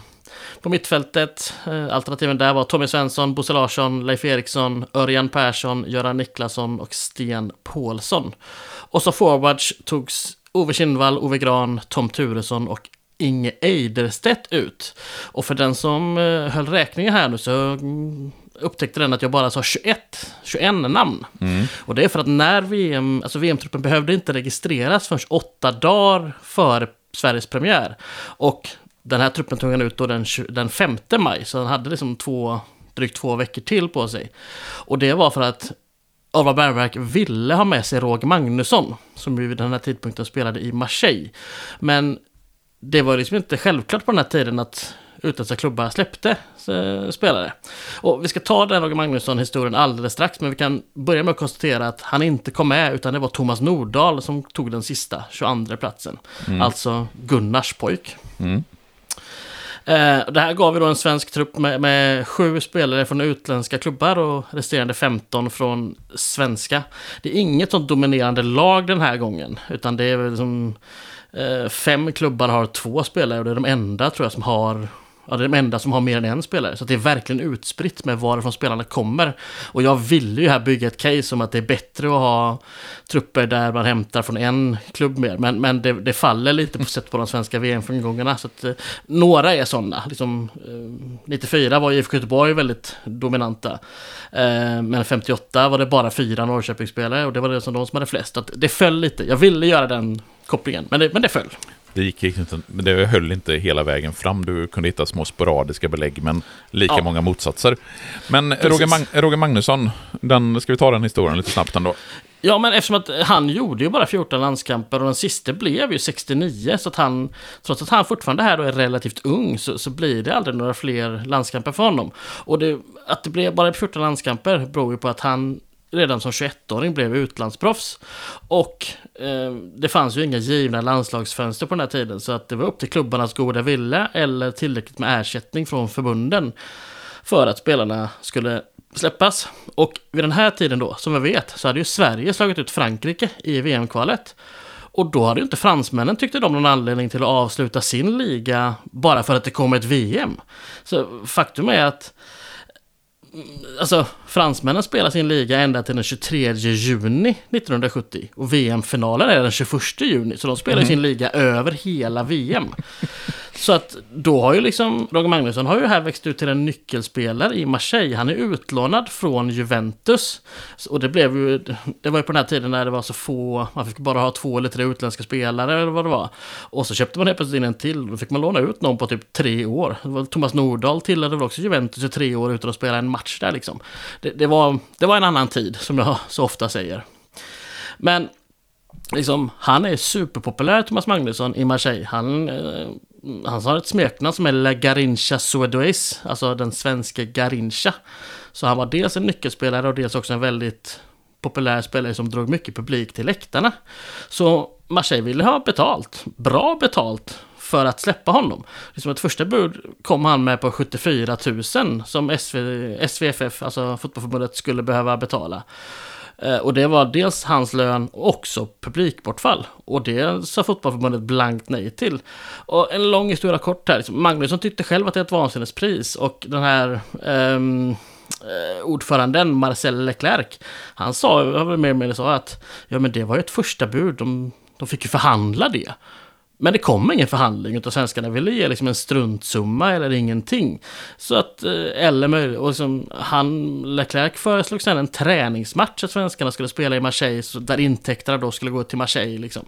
Men eh, fotbollförbundet vägrade och det gjorde till slut att det blev ingen Roger Magnusson i VM, utan det blev Thomas Nordahl istället. Och eh, inget ont om Thomas Nordahl, men Roger Magnusson var en bättre spelare vid den här mm. tidpunkten. Så att, ja. Nej men det är ju rätt intressant just sådana här sliding doors moment på något sätt. Vad har hänt med, med Roger Magnusson i truppen? Men ja. det får vi aldrig veta. Utan Nej. vi närmar oss eh, sakta Sveriges VM-deltagande. Eh, sista månadernas förberedelser blir en del träningsmatcher tänker jag. Ja, jag hittar bara en, i alla fall mm, en okay. officiell. Mm. Ja, och den ligger ganska märkligt både i liksom, tid och rum, eller säga, men tid och plats. För man möter alltså Ungern i Budapest den 15 maj, alltså drygt två veckor innan innan premiären. Och då är i princip alla andra lag på plats i Mexiko eller på annan höghöjdsort. Medan Budapest kan man säga mycket om, men på hög höjd ligger det banne inte. Um, och alla spelarna här, bland annat eh, Kindvall och Gran, har liksom inte kommit loss från sina klubbar. Så att um, visst, Sverige vinner i det repet, men hur mycket var det värt egentligen? Uh, ja, det som man tar med sig från matchen främst är väl att Ronny Hellström och Sven-Gunnar Larsson fick varsin halvlek i mål. Och Dagens Nyheter skrev att Larsson överglänste Hellström. Eh, vilket väl kan förklara vad som sen komma skall i, mm. i VM. Men jag hittar ingenting om att några matcher ska ha spelats på plats i Mexiko före VM. Eh, inte som sagt några officiella, men jag hittar inget heller om några inofficiella. Så att jag antar att man satsade på att träna sig i, i höghöjdsform så att säga. Ja, det kan man göra. Men ska vi säga något mer innan vi går in på själva matcherna? Nej, men vi kan väl säga så här att Italien finns det mycket att säga om, men de kommer ju gå bra för, så vi tar dem i nästa avsnitt. Utan vi, vi, nu vi kör vi in här liksom. Yes, äntligen. Gruppens första match, men det är inte Sverige, eller Italien för den delen, utan det är Uruguay som ska ta sig an Israel. Och den grupp som vi nu pratar om, där delar man matcherna mellan Toluca och Puebla. Och eftersom Uruguay fick spela samtliga sina matcher i Puebla så hamnar ju den här matchen då mellan Uruguay och Israel just i Puebla. Precis. Och Uruguay är lite oklart inför vilken nivå de håller. Vissa säger att de är ganska mediokra medan andra har dem som en av favoriterna.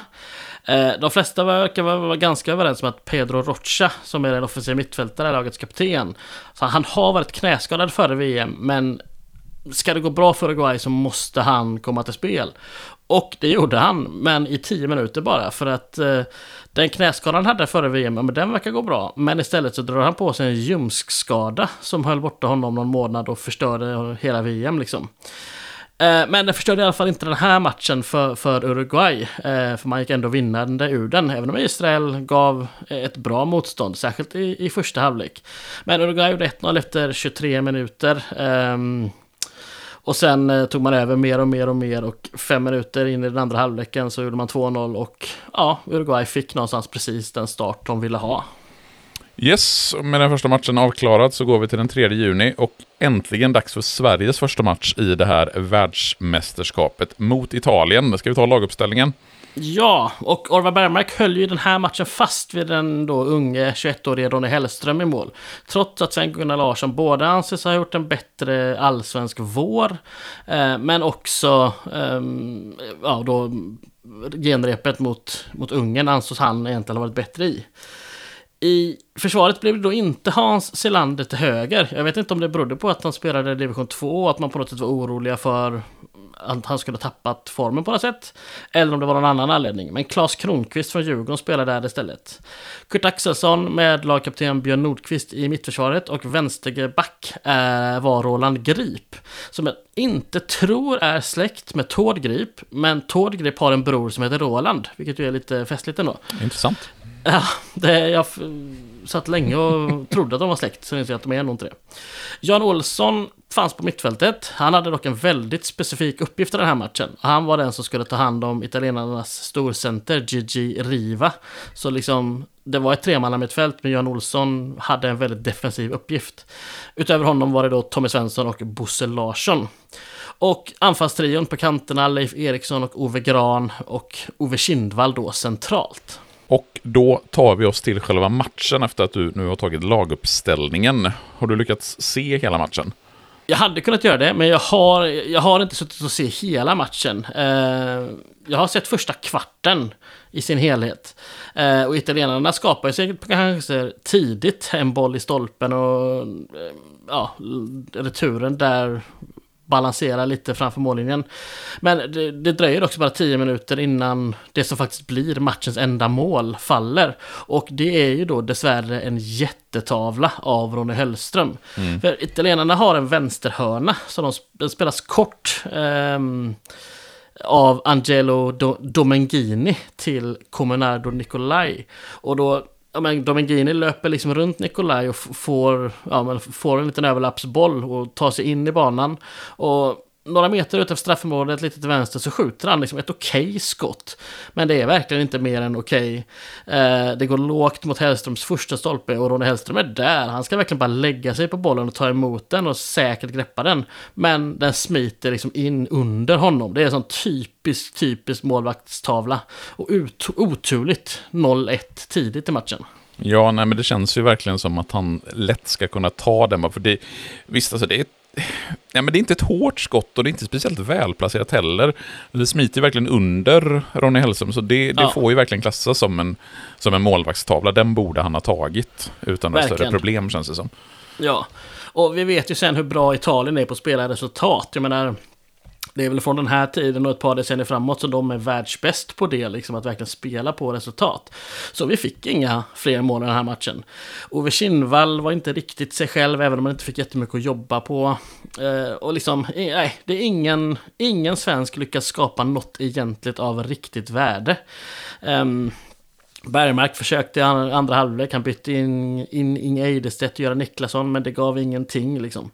Eh, svensk media eh, liksom, dömer väl inte ut laget helt. Jan Olsson får mycket beröm för hur Djiriva togs om hand.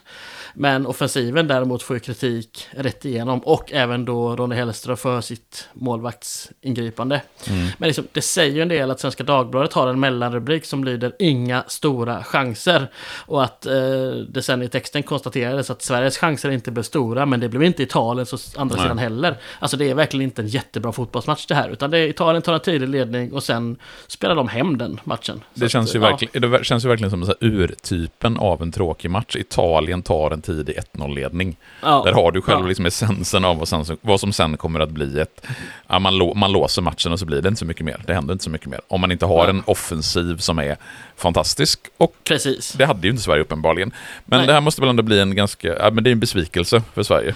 Ja, men det är det, det, är det verkligen. Ehm, och sen hade italienarnas Nikolaj en stor skada, alltså jättebesvikelse. Han blev skadad och kunde inte spela mer i resten av turneringen. Så att han hade en personlig besvikelse för matchen som vi väl kan ta med oss. Men annars är det egentligen bara att gå vidare. Yes, och eh, då konstaterar vi att eh, Italien behöver göra ett byte till sin andra match. Vilken var turneringens nästa match då man den 6 juni mötte Uruguay i Pueblo. Fler förändringar för Italien? Nej, det gjorde de inte. Roberto Rosato ersatte Nicolai mot Sverige och gick in i mittförsvaret i en i övrigt oförändrad elva. Uruguay tvingades ju till en förändring och gjorde även en, tektisk, eh, även en taktisk förändring. Uh, och sen kan vi gå vidare för att den här matchen slutar 0-0. Det är verkligen en match i defensivens tecken enligt media. Så att vi behöver inte ens, vi behöver inte prata om någonting i den här matchen utan vi kan gå vidare till, till Sveriges nästa match. Ja, det gör vi. Den spelades dagen efter i Toluca. Och det var då alltså Sverige i blått och gult och Israel i någon typ av himmelsblått. Det ser nästan ut som att det är Malmö FF som står på planen. Och ja. det är en match som Sverige bara skulle vinna. Eh, Sverige har ju en förlust in i den här matchen. Hur agerar herr Bergmark efter förlusten mot Italien? Jo, men han agerar tämligen friskt. Eh, han väljer ju här då att peta Ronny Hellström. Eh, efter, ja, lång tid. Kanske borde Sven-Gunnar Larsson spelat från start i första matchen. Kanske borde man valt att satsa på Ronny här för att visa förtroende. Det är svårt att säga. Men in i mål kommer i alla fall Sven-Gunnar Larsson. Och det är ju svårt att protestera mot det så som det har varit ändå liksom. Mm. Klas Kronqvist på högerbacken försvinner och Hans Selander kom då in. Eh, Björn Nordqvist i mittförsvaret hade en ryggskada.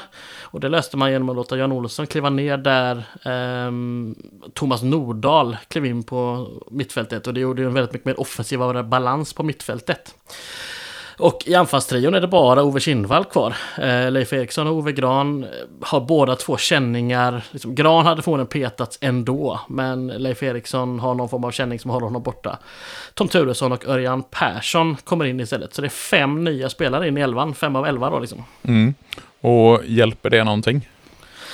Nej, det gör ju tyvärr inte det. Sverige gör inte en särskilt bra match här. Visst, vi, om vi får säga vi då, skapar mm. ett och annat. Men det är liksom, det är för lite och för dåligt någonstans. Vi tar ändå ledningen. Åtta minuter in i den andra halvleken så gör Tom Turesson 1-0. Hans Selander agerade väldigt Cafu-aktigt och tog sig runt på, på högerkanten. Och liksom kommer in i straffområdet och ett lågt inspel möttes av Turesson som bara stöter den in i mål. Eh, det skrivs i media om att det kanske borde blåst av från offside, eller av för offside, men de kameravinklar jag har sett kan...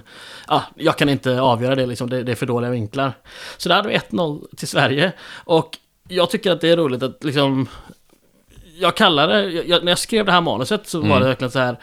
Jag kallade Selanders insats för Cafu-aktigt och då bara Cafu, det var länge sedan jag läste på om honom. Mm. Uh, och jag bara ville se om han ens var född när det här skedde. Och det visade sig att Cafu föddes den 7 juni 1970, alltså precis den här dagen när den här matchen spelas. Och det betyder ju ingenting för någon, för någon med någonting egentligen. Men det var ändå, det blev en sån, när jag och min fru satt i soffan och bara det blev ändå lite konstig stämning mm. när jag sa det till henne. Liksom, att här kallar jag Hans Selanders beteende, Hans Selander har precis dött dessutom, kallar hans beteende för Cafu-aktigt. Och så gjorde han det samma dag som Cafu sen skulle födas då, eller föddes. Ja, nej, ja nej, men det är ju nästan så att det bör räknas som ett gudsbevis. För det kan ju inte bara vara en slump där, utan det är ju någon typ av bevis för att det finns en högre makt. Någonting det, är det, det Men jag tycker vi skiter i dina små eh, fynd där att Cafu... Mina hallelujah moments. ja, men precis. Eh, och så går vi vidare. Ja, nej, men för Svenska Lyckan blir ju inte långvarig. Det, det är ju bara tre minuter senare som Israels eh, lagkapten med 10 med det underbara namnet Mordecai Spiegler. Han får bollen 10-talet meter utanför straffområdet, ganska rakt framifrån, står helt stilla i princip. Men eh, ja, när en svensk försvarare till slut bestämmer sig för att gå upp i press så drar han iväg ett, eh, ja, ett vänsterskott liksom. Mm. Och jag funderar på, nu konstaterar vi ju att Ronny Hellströms insläppta mål mot Italien är en solklar målvaktstavla. Skulle du eh, definiera det, jag har också sett det här målet, men skulle du definiera det här som en målvaktstavla? Alltså så här, det är ett okej okay skott. Det går in hyfsat lågt i Sven-Gunnar Larssons vänstra hörn ur hans vinkel då. Och jag vet inte om jag vill gå så... Eller, ja, det är det på något sätt ändå liksom. För det, liksom, det är ett skott från den, en så långt håll att den mm. ganska sällan ska gå in. Och han, liksom, det är inte heller ett superskott. Så att det är inte en lika grov tavla som Ronny Hellströms, det är det inte. Men det, det, för mig är det lite som så här, en frispark som slås mot bortre hörnet ska alltid räddas av en målvakt. Liksom, för att mm. de ska stå där. Ett skott från den här distansen med fri sikt, ska, om det inte styr på någon, så ska det om det inte är ett riktigt, riktigt drömträff så ska det inte få gå in. Och det här Nej. är inte en drömträff. Nej, men alltså, jag håller med. Alltså, Ronny Hellström han tappar ju mer, mer eller mindre in bollen på, eh, mot Italien. Men det mm. som händer med Sven Gunnar Larsson det är ju att snarare att han känns som att han är felplacerad ja, i, eh, i straffområdet. Att han bör, för att det är frisikt, det är inget som du säger kanonskott på något sätt. Men, men ändå så, så går den in. Och, och mm. det, det, är ju någonting som man ändå får lasta Sven-Gunnar Larsson för, känns det som, utifrån de tv-bilder som finns. Men skit i det, 1-1, 35 minuter kvar av matchen. Ja, och eh, det mest exalterande som händer i resten av den är att Örjan Persson förmodligen borde ha blivit utvisad. Eh, jag kan inte se vad som hände när han blev varnad med knappt 20 minuter kvar, för spelet var stoppat och eh, en Israel låg ner. Men utanför spel sänkte på något sätt Örjan Persson en annan Israel. Och, och, den etiopiska domaren här valde mer på sin linjeman att varna Persson. Och sen är det ett par minuter senare så byts han ut och då var han i schism igen. Mm. Och Urban Bergmark tror jag mer eller mindre sagt att bytet skedde för att Persson inte skulle bli utsatt, eller utvisad. Um, Sten Paulsson ersatte, um, men det roliga är att det är också det enda bytet som sker. Och Thomas Nordahl får extremt mycket kritik, men han blir inte utbytt och Alvar Bergmark vill inte byta för att, ja, om det skulle ske skador.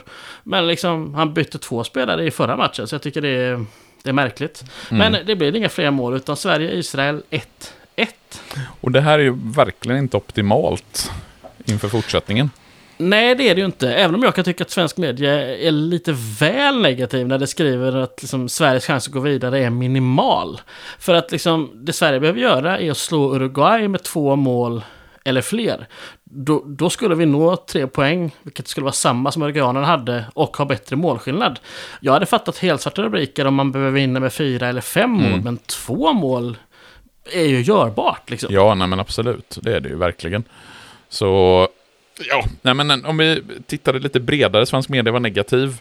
Eh, vad skulle man göra då, enligt, eh, enligt media?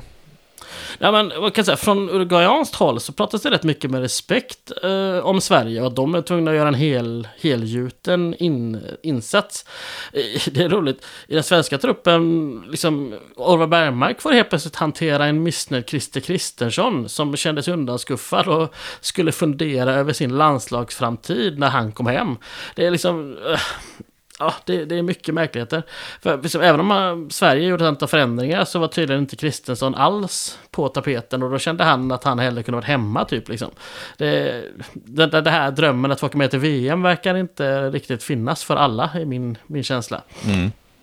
Men i alla fall. Um, elvan då, liksom, man behåller Sven-Gunnar Larsson. Hans tabbe var tydligen inte stor nog för att uh, ja, han skulle få petas.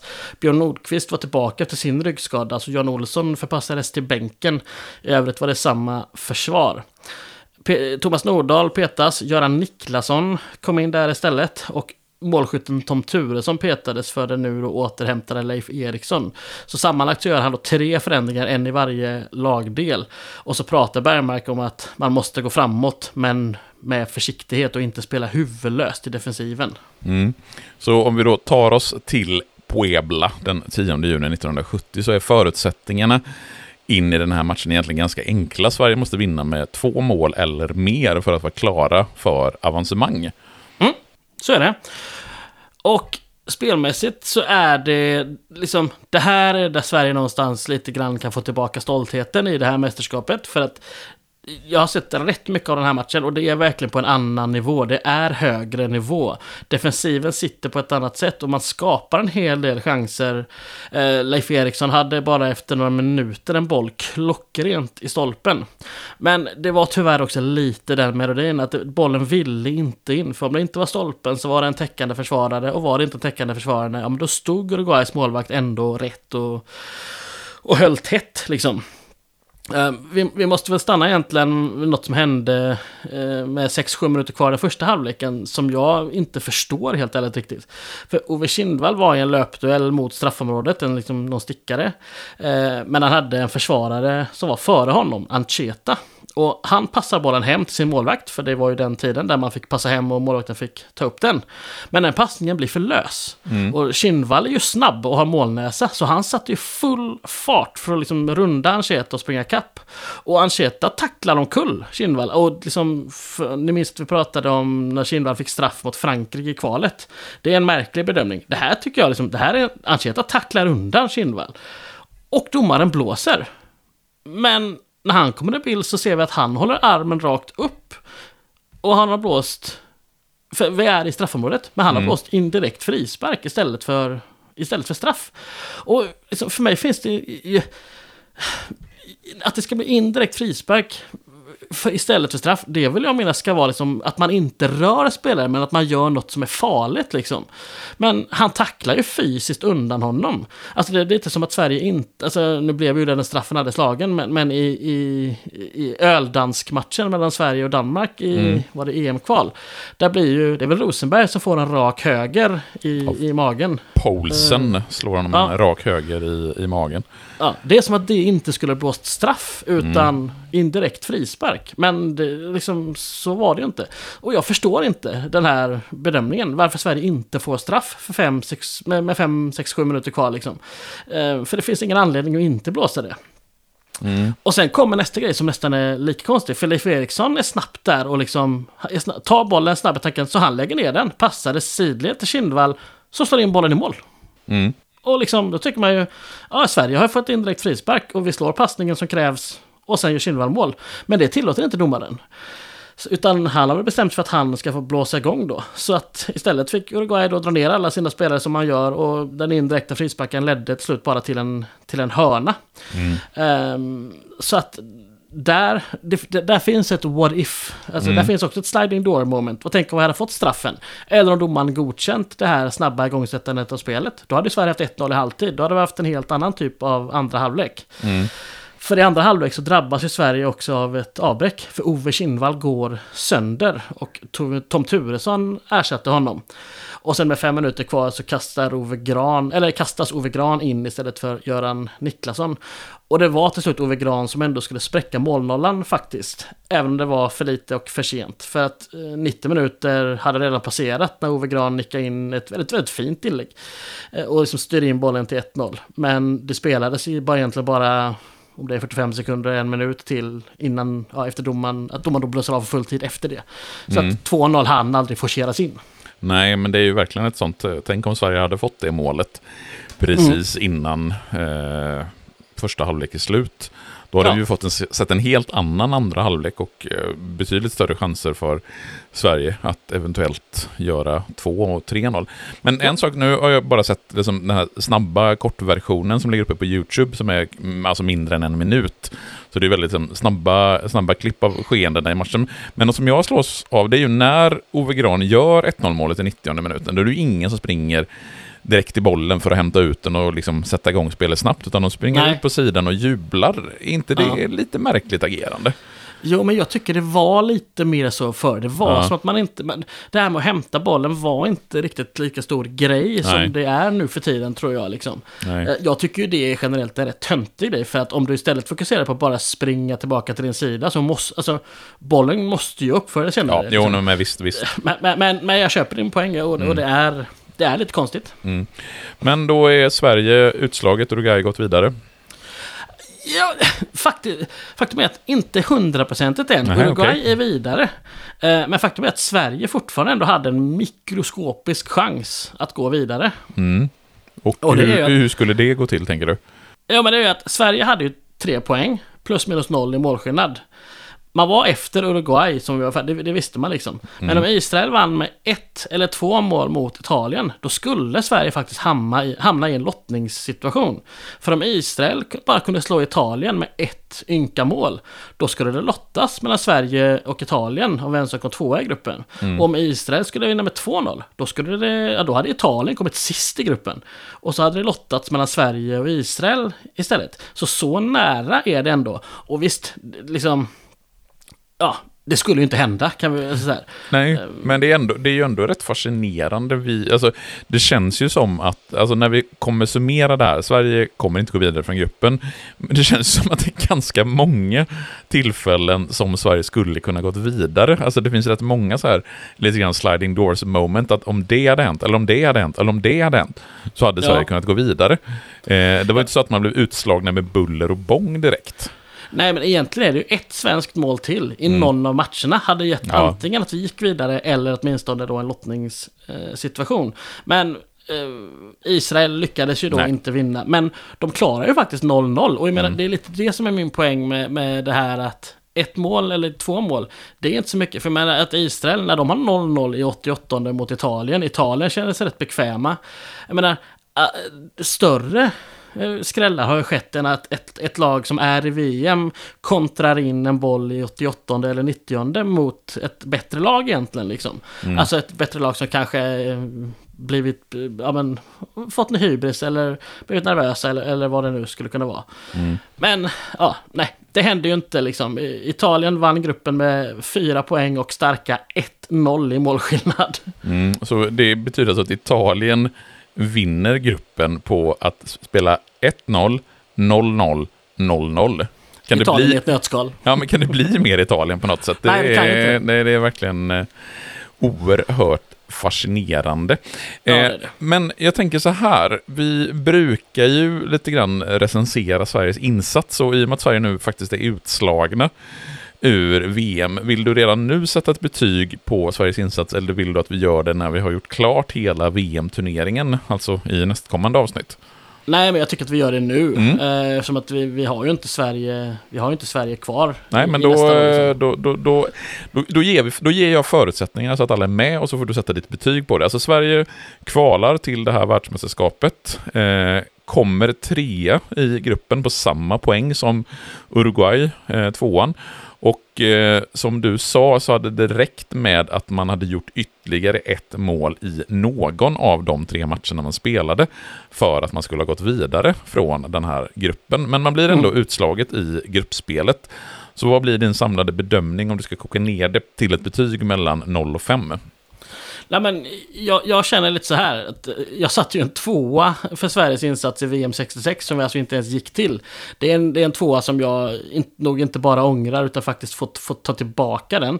För jag känner att i grund och botten är betygssättningen ganska enkel när man har mm. en femgradig skala. Att liksom ett missat VM, det är en etta. Liksom. Mm. Det är mm. inte godkänt.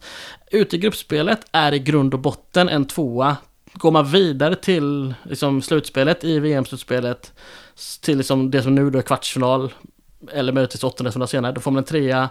Mm, ja, vidare någon runda där en fyra och medalj är en femma ur ett svenskt mm. perspektiv. Men är inte Sen det, så kan det såklart finnas eh, liksom att skulle man möta tre storlag i gruppen och åka ur och ändå göra okej matcher, då kanske det ändå är värt en trea. Eller om man har en grupp där man bara ska gå vidare och misslyckas med att gå vidare, kanske det faktiskt bara blir en etta. Liksom, det, det, är inte satt i sten kan jag tycka betygen, men Nej. någonstans så är de ändå rätt enkla liksom. Mm. Eh, men i det här fallet så tycker jag någonstans ändå att... Ja men, det, jag, det är en grupp som Sverige absolut ska kunna ta sig vidare ifrån. Men vi gör egentligen bara en godkänd match. Mm. Och visst, i den matchen kanske vi ska ha ett mål tidigare. Men jag kan inte motivera högre än en tvåa. Med då förutsättningen att jag för 66 bara satte en etta, ska sägas. Liksom. Jag, jag drar tillbaka det betyget. Mm. Men så att det blir en tvåa här liksom. Så du sätter en, två getingar på Sveriges insats i Getingar VM. nu alltså? Ja, men jag, jag tycker att... Ge, alltså grejen är den att där har ju Expressen fått till en jävla bra grej just att getingar på något sätt är så synonymt med betygssättning. Eh, I och med att de har, dels är det en väldigt tydlig symbol till skillnad från Aftonbladets plus. Det är sådär generiskt på något sätt. Eller GPs fyrar för den delen är ganska Ja, tråkiga. är, ju- ja.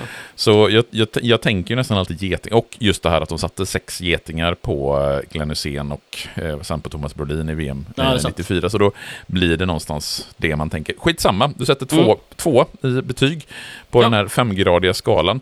Du har alltså inte med nollan överhuvudtaget, utan du börjar pang på ettan. Eh, Du har ingen överkorsad geting i din eh, betygsskala här. Ja men det skulle väl vara, men det händer ju aldrig att Sverige liksom kvalar och förlorar typ 6 av 10 Att kvalmatcher. Sverige, Jag kom, att Sverige kommer sist i sin kvalgrupp inför Nej. ett VM, det skulle kunna vara en nolla överkorsad geting då i så Ja. fall. Men, men jag är ju anti det här. Alltså, säger man att man har en femgradig skala, då har Mm. man en femgradig skala 1 till 5. Annars har man en sexgradig skala. Mm. Eh, jag är ju, som jag har sagt många gånger tidigare, jag är ju sjugradiga skalans största försvarare. För Mm. att de flesta som har en femgradig skala har oftast en sjugradig. För att man har oftast en nolla, en överkorsad geting eller en nolla med. Och så har man sexan med Mm. för extrema prestationer. Och då blir det en sjugradig skala. Så den är med andra ord överlägsen. Så, Mm. nu ska jag sluta tjata om det igen. Bra, tack så mycket Gustav. Vi är dessutom klara med gruppspelet eh, och det innebär att vi är klara med avsnitt två av VM 1970. Och det innebär också att när vi kommer tillbaka nästa gång, och då kommer vi att skriva den första februari 1970 tänkte jag säga, men det är ju inte alls 1970, det är 2024. 1970. Ja, 2024, 1970. Nu, nu, vi har poddat alldeles för länge med det här avsnittet. Så är det Ja. definitivt. Men det vi ska göra då, det är att vi ska åtminstone börja med fyra stycken kvartsfinaler. Och jag tänker bara som en liten brygga över till nästa avsnitt. Om, nu, om vi nu fortfarande har någon lyssnare på det här avsnittet. Så är det Sovjet, Uruguay, det är Brasilien, Peru, det är Italien, Mexiko. Och inte minst Västtyskland, England, favoriter i så, pris. så är det. Så Mm. är det. Så vill du säga någonting mer innan vi eh, sätter punkt definitivt för detta avsnitt? Nej, jag känner mig färdig i själen med att prata om gruppspelet 1970. Så att eh, vi tar... Eh, vi tar januari och så återkommer vi i februari. Yes. Ha det så gött. Ha det fint! Hej.